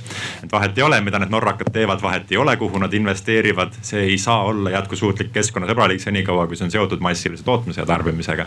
isegi näiteks see keskmine tuulik, kui me mõtleme, et oi, on hea, lähme tuuleenergia peale. keskmine tuulik oma eluaja jooksul ei suuda toota piisavalt palju energiat, et tagasi teenida see energia, mis on kulunud selle tuuliku tootmiseks. ehk siis ta on net negatiiv see on täiesti mõttetu tegevus ja see ei ole kuidagi keskkonnasõbralik, see on lihtsalt vähem kahjulik. kas sa olid eelmises elus Rooma klubi liige, selle Limits of Growth kirjutaja? ja äh, aus kriitika äh,. võtame veel mõned mõtted ja siis äkki äh, küsime, et vaatame, kas panelistidel on ka tekkinud nii-öelda vastumõtteid. tere, Henri Ormus ja tuumaenergeetik Soomest äh, ma vaatasin, et mis see küsimus on, et mida kodanik saab teha. kõigepealt ma vastaks võib-olla sellele. minu ettepanek on, et äh, inimesed võimalikult palju harige ennast viige kurssi, millised on tegelikult energia tootmise viisid, millised on nende head ja vead. ja sest, et ühtegi tegelikult väga head energia tootmise viisi ei ole olemas, igalühel on omad probleemid äh, kas ma võin ka vastu küsida lihtsalt, et see on äh, huvitav, kohe endal läheb ka mõte käima. et aga kuidas siis sellega toime tulla, et, et, et on nii palju infot äh, nii paljude asjade kohta? et äh, kuidas teie, kas teil on mõni hea mõte, see ongi keeruline küsimus, millele vastata see on väga keeruline küsimus ja ma ei oska sellele vastata, et igaüks peab sõeluma selle olulise info, aga mina eelistan äh, teaduslikud artiklid, mis on peer review'd ehk siis, mis on teadus, teaduslikult tõestatud. ja mina loen sellist meediat, ehk siis seda ma usaldan ja ma olen ka kursis IPCC raportiga loomulikult et äh, me teame kõik, et tegelikult sada protsenti taastuvenergia ei ole reaalselt praegu võimalik lähema viiekümne aasta jooksul anyway ja on ka päris selge, et äh, sellised näited nagu, ma lõpetan ära. Näiteks Saksamaa, kes on üritanud jõuliselt äh, minna üle, nad on täielikult läbi kukkunud kahjuks. ja mina kui tuumaenergeetik ja üldse nii-öelda insener, ma olen nagu väga veendunud, et ilma tuumaenergiata ei saa äh, mitte kuidagi süsinikuneutraalset maailma hetkel luua et see on nagu absoluutselt vajadus ja mõelge inimesed ja lugege selle kohta. ma ei hakka teile mingit õppetundi andma, sest ma olen õppinud selle kohta, aga see oleks päris suur loeng. aga mm -hmm. mõelge selle jah, eh, korraks hoidke enda käest, palun. Eh, ma ütlen nii palju, et, et liiga sisuliselt ärme seda teemat puuduta, et üritame hoida fookus sellele, et mis on need praktilised sammud, mida kodanik saab teha, et kliimapoliitikat mõjutada. aga ma näen, et Madis soovis sellele kuidagi vastata. hästi üldine kommentaar, et väga õige, harige ennast ja harige ennast ka argumenteerimisoskusi, et mis eeldusi teile nagu teist mööda libistatakse, et, et kui me võtame et, et sada protsenti taastuvenergia ei ole võimalik, selle eeldus on see, et me tahame tänast energiatarbimise taset hoida, mis on absoluutselt üle, läbi igasuguste lagede ja kosmosest ka mööda. Äh, ja kui me võtame selle hästi madalaks, selle tarbimise, siis on vabalt võimalik, aga me ei taha seda teha, sest see on hästi ebameeldiv, me peame ennast muutma ja üheteist aastaga äh,. aitäh. okei okay,, väga hea, emotsioon on hea, kas soovid? paar, kaks kommentaari. kaks lühidalt või üks pikalt? ja, ja, ja, et üks oli see, et, äh, et Soome on väga hea näide. Nad on väga pragmaatiliselt lähenenud asjale süsiniku tarbimise äh, söejaamad keelustati kaks tuhat kakskümmend üheksa. rahulikult jahu, ehitavad kahte uut tuumajaama ja implementeerivad ka tuuleenergiat. ma ei ole tuule ega päikse vastane, absoluutselt kõiki puhtaid süsinikuvabasi energiaallikaid peab implementeerima nii palju kui võimalik, et üldse sellest kliimakaosest kuidagi pääseda. Ma olen sellega mm. -hmm olgu, aitäh. nii, võtame siit järgmise. aa ah,, see oli, jah, vabandust. Aitäh, olen Jaanus ja olen Ida-Virumaalt põlevkivi energeetika ja põlevkivikütustega seotud umbes kakskümmend viis aastat ja kuna siin paar teemat selle üle läbi käis, siis paar ettepanekut lihtsalt.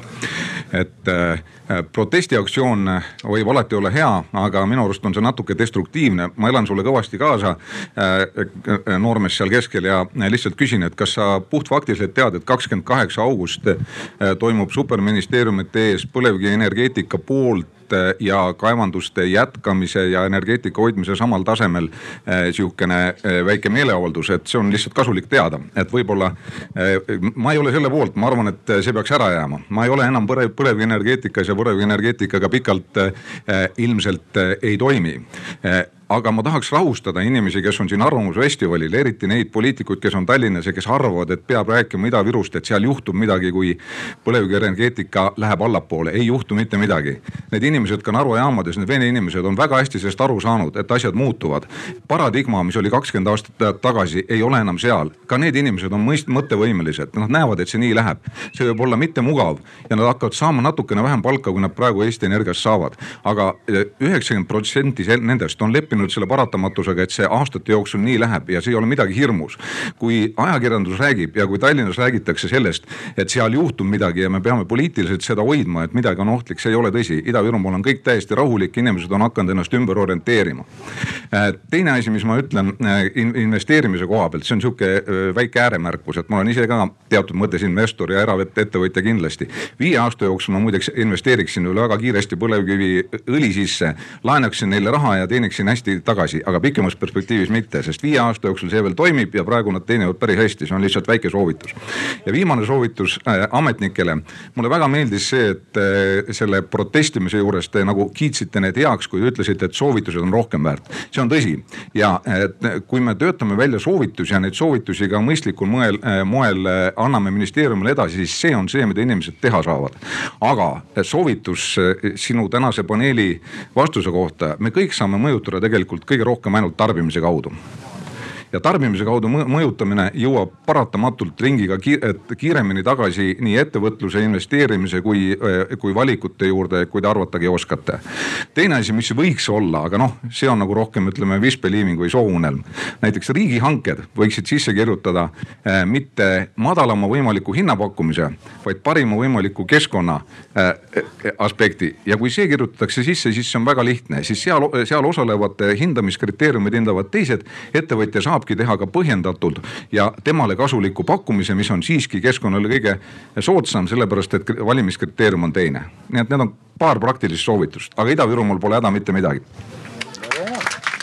ja äh, mina ka, Kaisa, ma kiidan seda, mul jubedalt meeldis praegu tegelikult see argumenteeritud ja ladusalt tulnud, eks ole, seisukohad. mis ma tahan öelda ka sellesama Ida-Virumaa kohta, noh, olla, ma ei ole mingisugune sotsioloog või, äh, või asjatundja siin, et ettevõtluses tõesti loodus ei salli tühja kohta.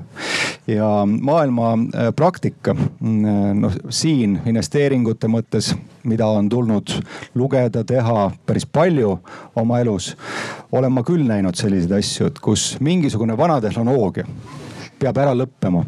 kas ta siis peab ära lõppema turgude tõttu, mingisuguse poliitika muutuse tõttu? väga palju on võimalik teha nii eraettevõtlusel endal, sellepärast et jääb vaba tööjõudu, on võimalik siis hakata sedasama tööjõudu kasutama mingites muudes alades. aga ka mingisuguste poliitikate kaudu on võimalik tuua hoopis muid juba ettevõtluse aluseid ja panna needsamad inimesed tööle. nii et ma arvan ka, et siin see, millest on räägitud võib-olla siin kakskümmend viis, kolmkümmend aastat, nüüd kohe, eks ole, tulevad suured massid äh, kaevureid kindlasti ei ole teema selles, et need, nende peale mitte mõelda. aga ma olen selles sada protsenti ka kindel, et mingeid katastroofe enam ei tule.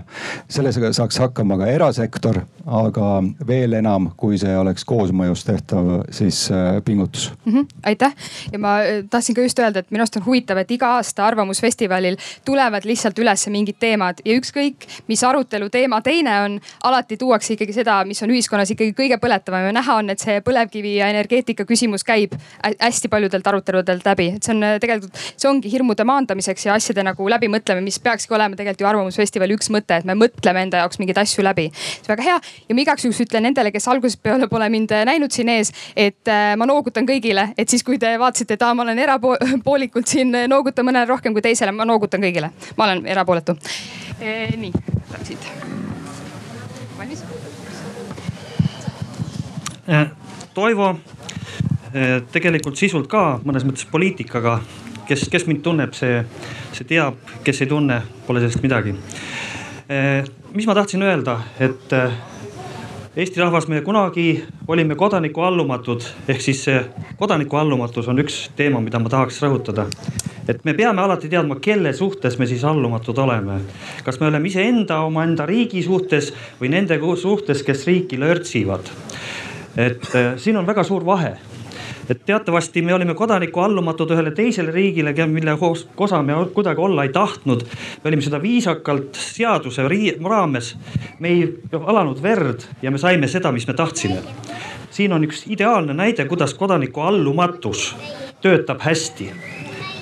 meie juhid toona olid nagu nad olid, aga nad ka muutsid seda kurssi, kes kuidas kunagi nii et kodanikuallumatus on kahe teraga mõõk kodaniku allumast tuleb, allumatust tuleb osata väga hästi juhtida.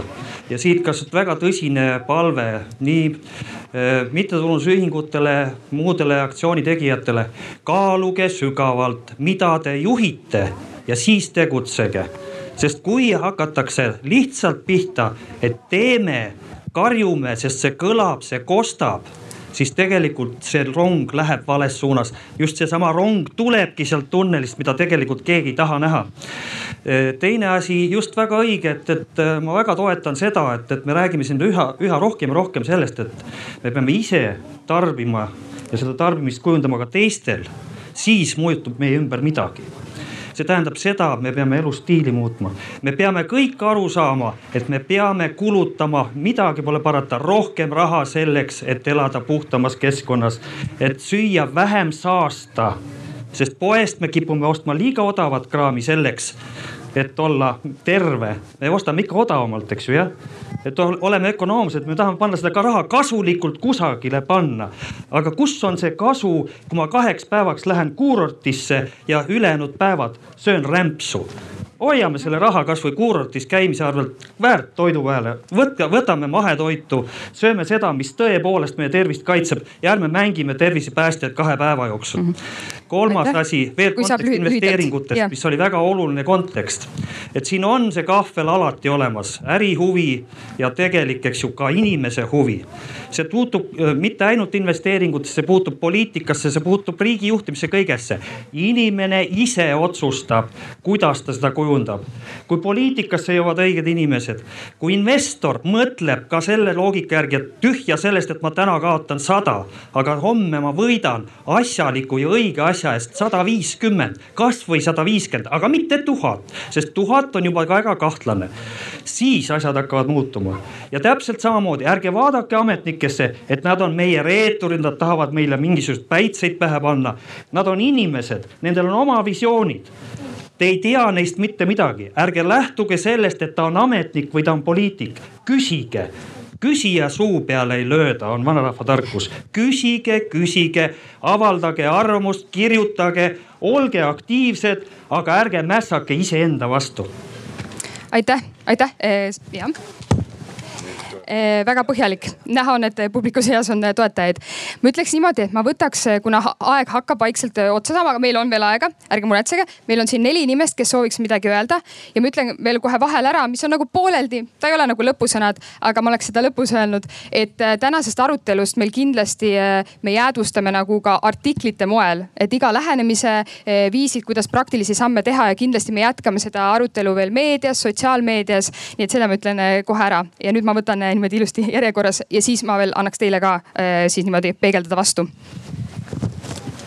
Tere, mina olen Kertu, olen noor kliimaaktivist ja natuke tahaks lootust anda veel neile, kes kahtlevad, et kas, kas selline rahumeelne protestimine, pidev protestimine töötab. et tsiteerin uuringut nimega Why civil resistance works, mis siis uuris eelmise sajandi ja selle sajandi alguse erinevaid, erinevaid rahvarahutusi ja nemad muuhulgas leidsid, et eh, mitte ükski rahumeelne rahvarahutus eh, ei saavutanud oma eesmärki, kui nad olid kaasanud juba vähemalt kolm ja pool protsenti eh, ühiskonnast kolm ja pool protsenti ühiskonnast võib ühelt poolt tunduda nagu hästi palju inimesi, aga teiselt poolt see ikkagi on ainult kolm ja pool protsenti. Eesti puhul see tähendaks umbes nelikümmend viis tuhat inimest, mis jällegi tundub ühelt poolt palju, aga teiselt poolt see on ainult kolm ja pool protsenti ühiskonnast. ja protestida võib ju hästi mitut moodi, et mis on korduvalt kõlanud, et ka see, kuidas me tarbime, et eh, kas, kas see, kui me seda muuta, muudame, see mingil määral on nagu protest või me kasutame sellega oma häält ja see, kuidas me kasutame oma häält, kellega me räägime, mida me räägime, mida me kirjutame, kelle poolt me hääletame. et eh, ka see muudab maailma ja neid, neid viise tasub väga kombineerida, sest et siis me muudame maailma piisavalt kiiresti, sest et jah, see, see on ka kõlanud täna korduvalt, et meil on hästi vähe aega, hästi palju teha, seega tegudele väga tore, et meil on nii positiivseid kommentaare, kuidas protestimist teha ja kuidas seda hästi teha. tulge appi, teeme ära noh väga hea ja ma ütlengi vahele, et mulle tundub, et nagu me alguses rääkisime, et mis inimesed siin üldse on. ma võtan endale mikrofoni oota, aga anna, ma teen audiviski. Äh, okei, usaldan. Äh, et, äh, et me juba näeme tegelikult, et, et see ongi see tänase point, et tegelikult kõik need erinevad lähenemised on erinevad viisid, kuidas kliimapoliitikat mõjutada. ja selle mõte ongi see, et te kõik leiaksite endale sobiva ja see on väga kihvt, et näha, et, et igal asjal tegelikult on nagu toetajaid ja palun. tere, olen Ragnar Viir, uurin kaalutust, inimese kaalutust Rahvusvahelises Astronautika Akadeemias ühes töögrupis. ja sealt ülevalt on väga kena vaadata alla selle sinise planeedi peale, kus on toredad järved, mered ja nii edasi maa peal me tarbime, teie kindlasti palju vähem kui veel eakamad inimesed, tarbime ka ravimeid. me ravimite jäägid tihti viskame kuhu viskame. aga ka need ravimite jäägid, mis tulevad sellest, et ravim on läbinud meie seedimistrakti, ka need tahavad jõuda meie meredesse. kuidas siis seda asja lahendada? üks asi, millega võin otsekohe peale hakata, on see, et me peaksime, võiksime osata elada pisut tervemalt, jätta tegemata need asjad, mis meile häda teevad. mis teevad meile häda, on jällegi siin oli enne Soome näidet räägitud. Soome majandusteadlased, arstiteadlaste ja liikumisteadlastega on välja arvutanud, mida läheb Soome ühiskonnale maksma see, mida aastas, see, mida teie, kallid sõbrad, kõik enamus siin praegu teete, mida maksab istumine? istumine maksab üks miljard eurot aastas nii et teie ettepanek, kui me räägime, et millised võimalused on Vabandust. kodanikul eh, kliimapoliitika mõjutamiseks, siis on see, et me ise oleksime eh, terviseteadlikumad ja, ja aktiivsemad. nii palju, tähendab, ma vabandan, ma eksisin, Soomes on see vähemalt kolm miljardit. Eesti kohta võiks siis olla üks miljard ja selle lahenduseks on äsja kaitstud Kuopi ülikoolis suurepärane väitekiri, eh, kus oli kasutada tuhat neljasaja inimese soomlase andmed kaheksateistkümnest aastast kaheksakümne aastaseni välja, terved haiged, mis on riskid. ja siis pandi kahekümne kahe aastane noor mees, väitles, pani puusale anduri, mis ei registreeri üksnes samme, vaid ka asendeid, istumist mm -hmm. nagu meie siin istume, seismist, pikalijoonikat, mässis need kokku, mis on sealt nagu heast koosolekult, mis on sõnum koju kaasa. sõnum koju kaasa on see, kui te ei istu ühte jaksu üle kümne minuti ja tõusete selle peale korraks püsti, olge lahked, tehke kaasa. nii ja väga ja, ja. siis te saadate suurepärase signaal. ja siis me oleme piisavalt terved. südamele et... ja kui te teete ja. siis veel mõned sammud, mitte üle viie minuti, siis te kaitsete ennast diabeedi eest, aitäh. ärge veel ära minge, ärge ära minge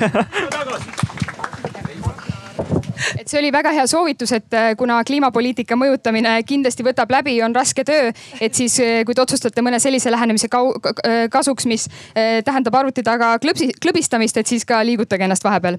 aga nüüd, kuna aeg on armutu, nagu me teame, siis kolmteist neljakümne viieni on meil aeg ja mulle tundub, et teie olete, ma tean, et teie olete protesti esindaja, mulle tundub, et protestijad on päris hästi täna olnud juba esindatud siin, et lihtsalt olgu eh, ma võtaks, teeme niimoodi, et eh, seal on üks eh, tore naisterahvas, kes on väga tükk aega olnud käsi püsti. võtaks viimase kommentaari sealt, siis annaks teile lõpusõnadeks äh, siuksed mõtted, et mida te siis tahate anda publikule edasi ja selle raames te võib-olla saate ka mõnele asjale, mis võib-olla teid jäid kõlama, kuidagi veel vastata. aga et üritame siis äh, selle arutelu kokku võtta ja nagu ma ütlesin, jätkame arutelu sotsiaalmeedias, meedias, iga lähenemise kohta tulevad artiklid. jätkame arutelu keskkonnasõbralikum viis, asi, mida iga inimene saab teha, on panna oma raha põlema, sest kui me, kui me kasutame seda raha, ostame midagi, ükskõik mida, siis me jätkame seda ringi, seda, et, et teised saavad seda raha kasutada, et see, et me toodaksime asju edasi, mis toodavad CO2 ja mida iganes, ehk siis mida vähem me tarbime üldse, seda parem ehk ja, ja pange raha põlema. no vot e,, nii, aga kas te palun annaksite mulle selle ka tagasi? meil, heli, heli, et eh, ma võtaks praegu tagasi. Ova et ma väga vabandan, sest tõesti äh, moderaatorina lihtsalt minu tööülesanne, mul pärast äh, muidu tellija äh, ei jää rahule ja, ja ma üritan tellija huvides siin esindada, et jõuaksime ikka ilusti aruteluga lõppu. et ühesõnaga väga põnevad mõtted selle raha osas ma ütleks nii, et ma soovitan uurida degrowth movement'i, general purpose money, seal on inimesed, kes täpselt seda teemat ka ajavad, väga põnev mõte. ja nüüd annakski siis lõpusõnad meie panelistidele niimoodi lühikeselt, kompaktselt veel kokku võtta ja siis juba jätkame arutelu pärast sotsiaalmeedias ja laiemalt meedias nii, siit või? no näiteks äh, veel kommentaar nende küsimuste seas, üks oli kommentaar oli see, et äh, meeleavaldajad peavad minema ministeeriumitele konkreetsete kavadega. ma arvan, et see on täiesti vale. et äh, kui me vaatame, siis need meeleavaldusel osalejad on viieteistaastased koolilapsed. Nad ei tule sul Pariisi kliimaleppe alasätte, ala paragrahvi alasätet äh, ümber sõnastama. Nemad panevad üldeesmärgi, olge ambitsioonikamad, kuulake teadlasi ja, ja see on piisav nagu ja selle taha on võimalik inimesi tuua mm. -hmm ja siin sai mainitud ka seda, et kodanikuallumatus on väga võimas relv, ma olen täiesti nõus ja seda tuleb kasutada hoolikalt ja ma olen olnud nende arutelude lähedal ja see tõesti on väga raske valik, et kas, kas nüüd on see hetk, kas nüüd on see aeg, millal seda kasutada. aga me näeme juba, et nagu maailma tippteadlased ütlevad, et jah, nüüd on see hetk, kus seda kasutada. nii et äh, seal see kindlasti tuleb ja küsimus on nüüd, kuidas ja kuidas seda juhtida. ja siin juba käis läbi, et, et iga inimene, kes meil täna kuulab, siis võiks leida endale selle sobiva väljundi, et kas siis kodanikuühendustena kindlasti nagu meie roll oleks selgitada rahvale, et miks osa rahvast on tänavatel ja Eesti Roheline Liikumine kindlasti sada protsenti toetab seda Fridays for Futures liikumist. ja ongi küsimus teile kõigile, et millisel ajaloo, millisel poolel te tahate olla siis, vot mm. -hmm. aitäh kuna on lõpp, siis ma teen järjest, et siis ei hakka seal pingpongi tegema, eks ole enam, aga äh, siin oli viimane küsimus oli ka kitsaskohast, eks ole, et siin ja. üks äh, tõenäoliselt üks suurimaid kitsaskohti selles samas valdkonnas, milles ma ise tegutsen, on on eh, ehk siis eh, kas ettevõtlikkuse vähesus või ka riskijulgus. ja eh, tegelikult me oleme üsna, üsna alalhoidlikud nii tarbijad, aga ka tegelikult ettevõtjad. ega neile ei saa väga seda muidugi pahaks panna ka, sellepärast et tuleb pakkuda tööd, palka maksta ja nii edasi ka, aga, aga see tegelikult mitte ainult nagu sellel tasemel, et ettevõtte tasemel, vaid ühiskonna tasemel ka. ega meil riskijulgust kuidagi ei soosita. Äh, kui me vaatame äh, siis äh, ka meedias, ma arvan, et ettevõtja, kes mingite oma projektidega, olgu nad siis innovatiivsed, mis iganes, kuidagi siis hävivad, siis ega talle armu ju ei anta. -hmm. et see on üks tegelikult kitsaskoht ka, et kuidas radikaalsemalt edasi minna, mitte nüüd nii radikaalselt nagu öeldi, et pange raha põlema, et ma arvan, et mõned siin seisukohad lihtsalt äh, selles ühiskonnas ei, ei jää võib-olla kõlama juba sellepärast, et nad on liiga radikaalsed. aga mida saab teha, on see, et liikuda ikkagi samm-sammult äh, asjadele juurde mm -hmm. ja nagu ma ütlen minu enda ettevõtetes mina sümpaatiaga näen, et ettevõtted ise või need investeeringud, kuhu ma teen, nad mõtlevad samm-sammult, mitte niimoodi, et nad panevad oma tootmise kinni, sest sellisel juhul ei olegi meil midagi teha ja tarbija, tarbida ja enamik inimesi meil sellega tegelikult hakkama ei saa. aga seda, et kui me võtame samm-sammult selles suunas, et me teeme asju paremini. me mõtleme sellele, et meil tulevad, eks ole, uued põlvkonnad ja me jätame läbi oma tegevuse neile parema planeedi, siis samm-sammult tulebki seda teha. see pragmaat-. jah, aga see ongi väga hea. see on pragmaatiline vaade. edasi ja... samm-sammult ja rohkem ja, riskimisjulgust. aga ma ühe asja teeks veel. ma loen oma mingisuguse tõlkega kahe ettevõtte energiaettevõtte sloganid. Need on üsna lühikesed. kui saab lühikeselt, jah kas nafta ja gaasiettevõte saab olla osa säästva energia tulevikust? töötame aktiivselt kliimaheidete vähendamise, süsiniku hinna määramise ja kogu maailma ühiskondade hüvanguks. meie eesmärk on olla maailmas süsinikdioksiidi vabaim nafta ja gaasitootja ning investeerime aktiivselt taastuvenergiasse Royal Dutch Shell. ja äkki sellest. see on Equinor ah,. Ehk siis endine Statoil ja ühe teise ettevõtte slogan. pakume energialahendusi alates elektri, soojuse ja kütuse tootmisest kuni müügi, klienditeeninduse ja energiaga seotud lisateenusteni. meie unikaalsed põlevkivi töötlemise sead-, teadmised ja tehnoloogia on hinnas kogu maailmas. ma arvan, et see on üks mõttekoht. see on huvitav. Eesti Energia. aitäh. Jaanika ma võib-olla võtakski kokku selle, mida ma siin täna kuulnud olen. ja, ja need peamised märksõnad oleksidki just nimelt see aktiivsus. et nii-öelda kodaniku allumatuse näol ja, ja erinevate nii-öelda ettepanekute, soovituste esitamise näol. et see on tegelikult see, mida meil on vaja. et kui, kui ma oma, oma toas diivani peal istun ja, ja võib-olla oma õe või elukaaslasega vestlen sellel teemal ja tunnen muret, siis see ei jõua sinna, see mõte, kuhu ta võiks jõuda. et see eesmärk on ikkagi olla aktiivne ja harida ennast, et need teemad ka nii-öelda tõesti teadlikul tasemel jõuaksid meieni. ja, ja teine pool võib-olla, mida ma uuesti tahaks veel kord välja tuua, on seesama tarbimine, et me tegelikult, me jah, me võime selle kliimapoliitika, kogu selle temaatika endale üsna selgeks teha, aga sellele vaatamata me ei suuda nagu oma mõtetes ikkagi kogu Eesti energiapoliitikat ümber kujundada. et võib-olla siis alustakski sellest, et mõtleks kõigepealt enda igapäevased tegemised ja liikumised läbi ja see on, see on, see on samm, mida me kõik saame nii-öelda igapäevaselt teha. nii et ühesõnaga aktiivsus teemas, et ärge jääge masendunult äh, mitte midagi tegema, vaid üritage vähemalt midagigi teha. aitäh me kõik soovime arvata, mis on viga ja kuidas viga, me teame erinevaid lahendusi. kõige olulisem on, et me paneme lahendused tööle, et me tegutseme, et me ei lähe lihtsalt homme koju tagasi, et oh, oli lahe arvamusfestival ja, ja läheme, lähme sõidame autoga edasi. elu, elu on keeruline, me noh, on majandus, on inimesed, on sotsiaalpoliitika, ongi kompleksne maailm. aga lahendame selle kompleksse maailma ära et me peame kindlasti kõik südamele panema, et millega me riskime, et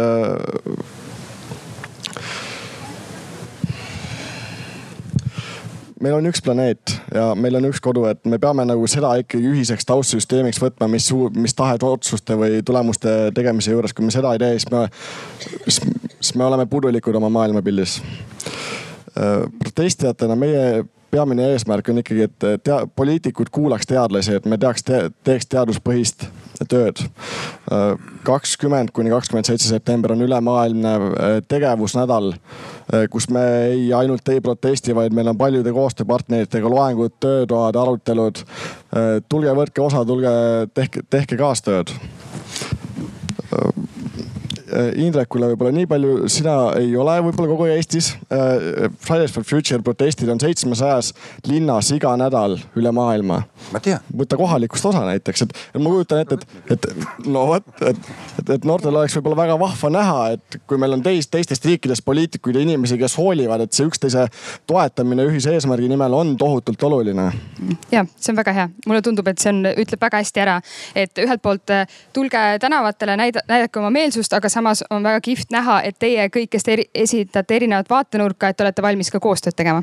et aitäh, ma siit liiguks tõesti Indreku juurde edasi. sa pead kolmekümne sekundi pärast saama poe kokku panna või? ei, selles okay. mõttes, et. okei okay., siis ma võtan nelikümmend viis sekundit. näiteks oleks e, ilus. ühesõnaga mina küll ei ole selles mõttes investor, et ma rahaga mängiks, aga ma mängin iseendaga ja ma võtan riske väga julmalt, kui tahan, võidan suurelt, kui tahan, kaotan suurelt, nagu elu näitab.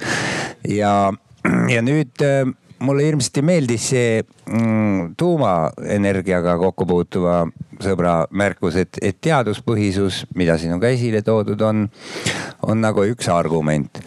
aga teaduspõhised inimesed peavad olema valmis, et inimkond seisab vägeva ususõja künnisel kus teadusvastased inimesed üha aktiivsemalt ütlevad, et teadus on jama, me ei finantseeri seda. ja üleüldse me usume, et maakera on lapergune ja taastada tuleb muinas Eesti, ma tulen Kalevipoja kujul. ja, ja vaat nende inimeste äh, harimisse tuleb teha ka metsik pingutus ja ma paneks oma esimese mündi sellesse projekti, et kui EKRE mehed õpivad lugema ja kirjutama ja asjadest aru saama, siis on meil ka kliimapoliitika küsimused äh, lahendamiseks võimalikud ja nüüd andke mulle see allkiri, ma annan päeva lõpuks selle ka ära. ja allkiri on seal, nii et, nii et ühesõnaga meie kodanikena saaksime survestada, et poliitikud oleksid äh, rohkem teadlikud asjadest. niimoodi eh, kena pehme ümbersõnastus e,. nüüd ma, ongi käes lõpp, minu arust ütlesite väga hästi ära tegelikult need äh, kokkuvõtlikud sõnad, mida ma niikuinii oleks ilmselt ka ise öelnud.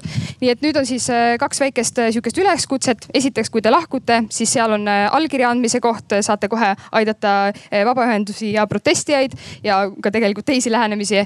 ning teiseks, seal on ka üks väike korvike, kuhu te saate siis jätta, et mis on siis teie arvates kõige tõenäolisem, mida te nüüd teete, et kliimapoliitikat mõjutada, sest kui me pärast artikleid avaldame, siis meil on väga huvitav vaadata, et mis teie, teile siis koha peal kõlama jäi. ma tänan Keskkonnaõiguse Keskust, eh, Teede Stratlabi, kellega me seda ette valmistasime ning aitäh, et te tulite kuulama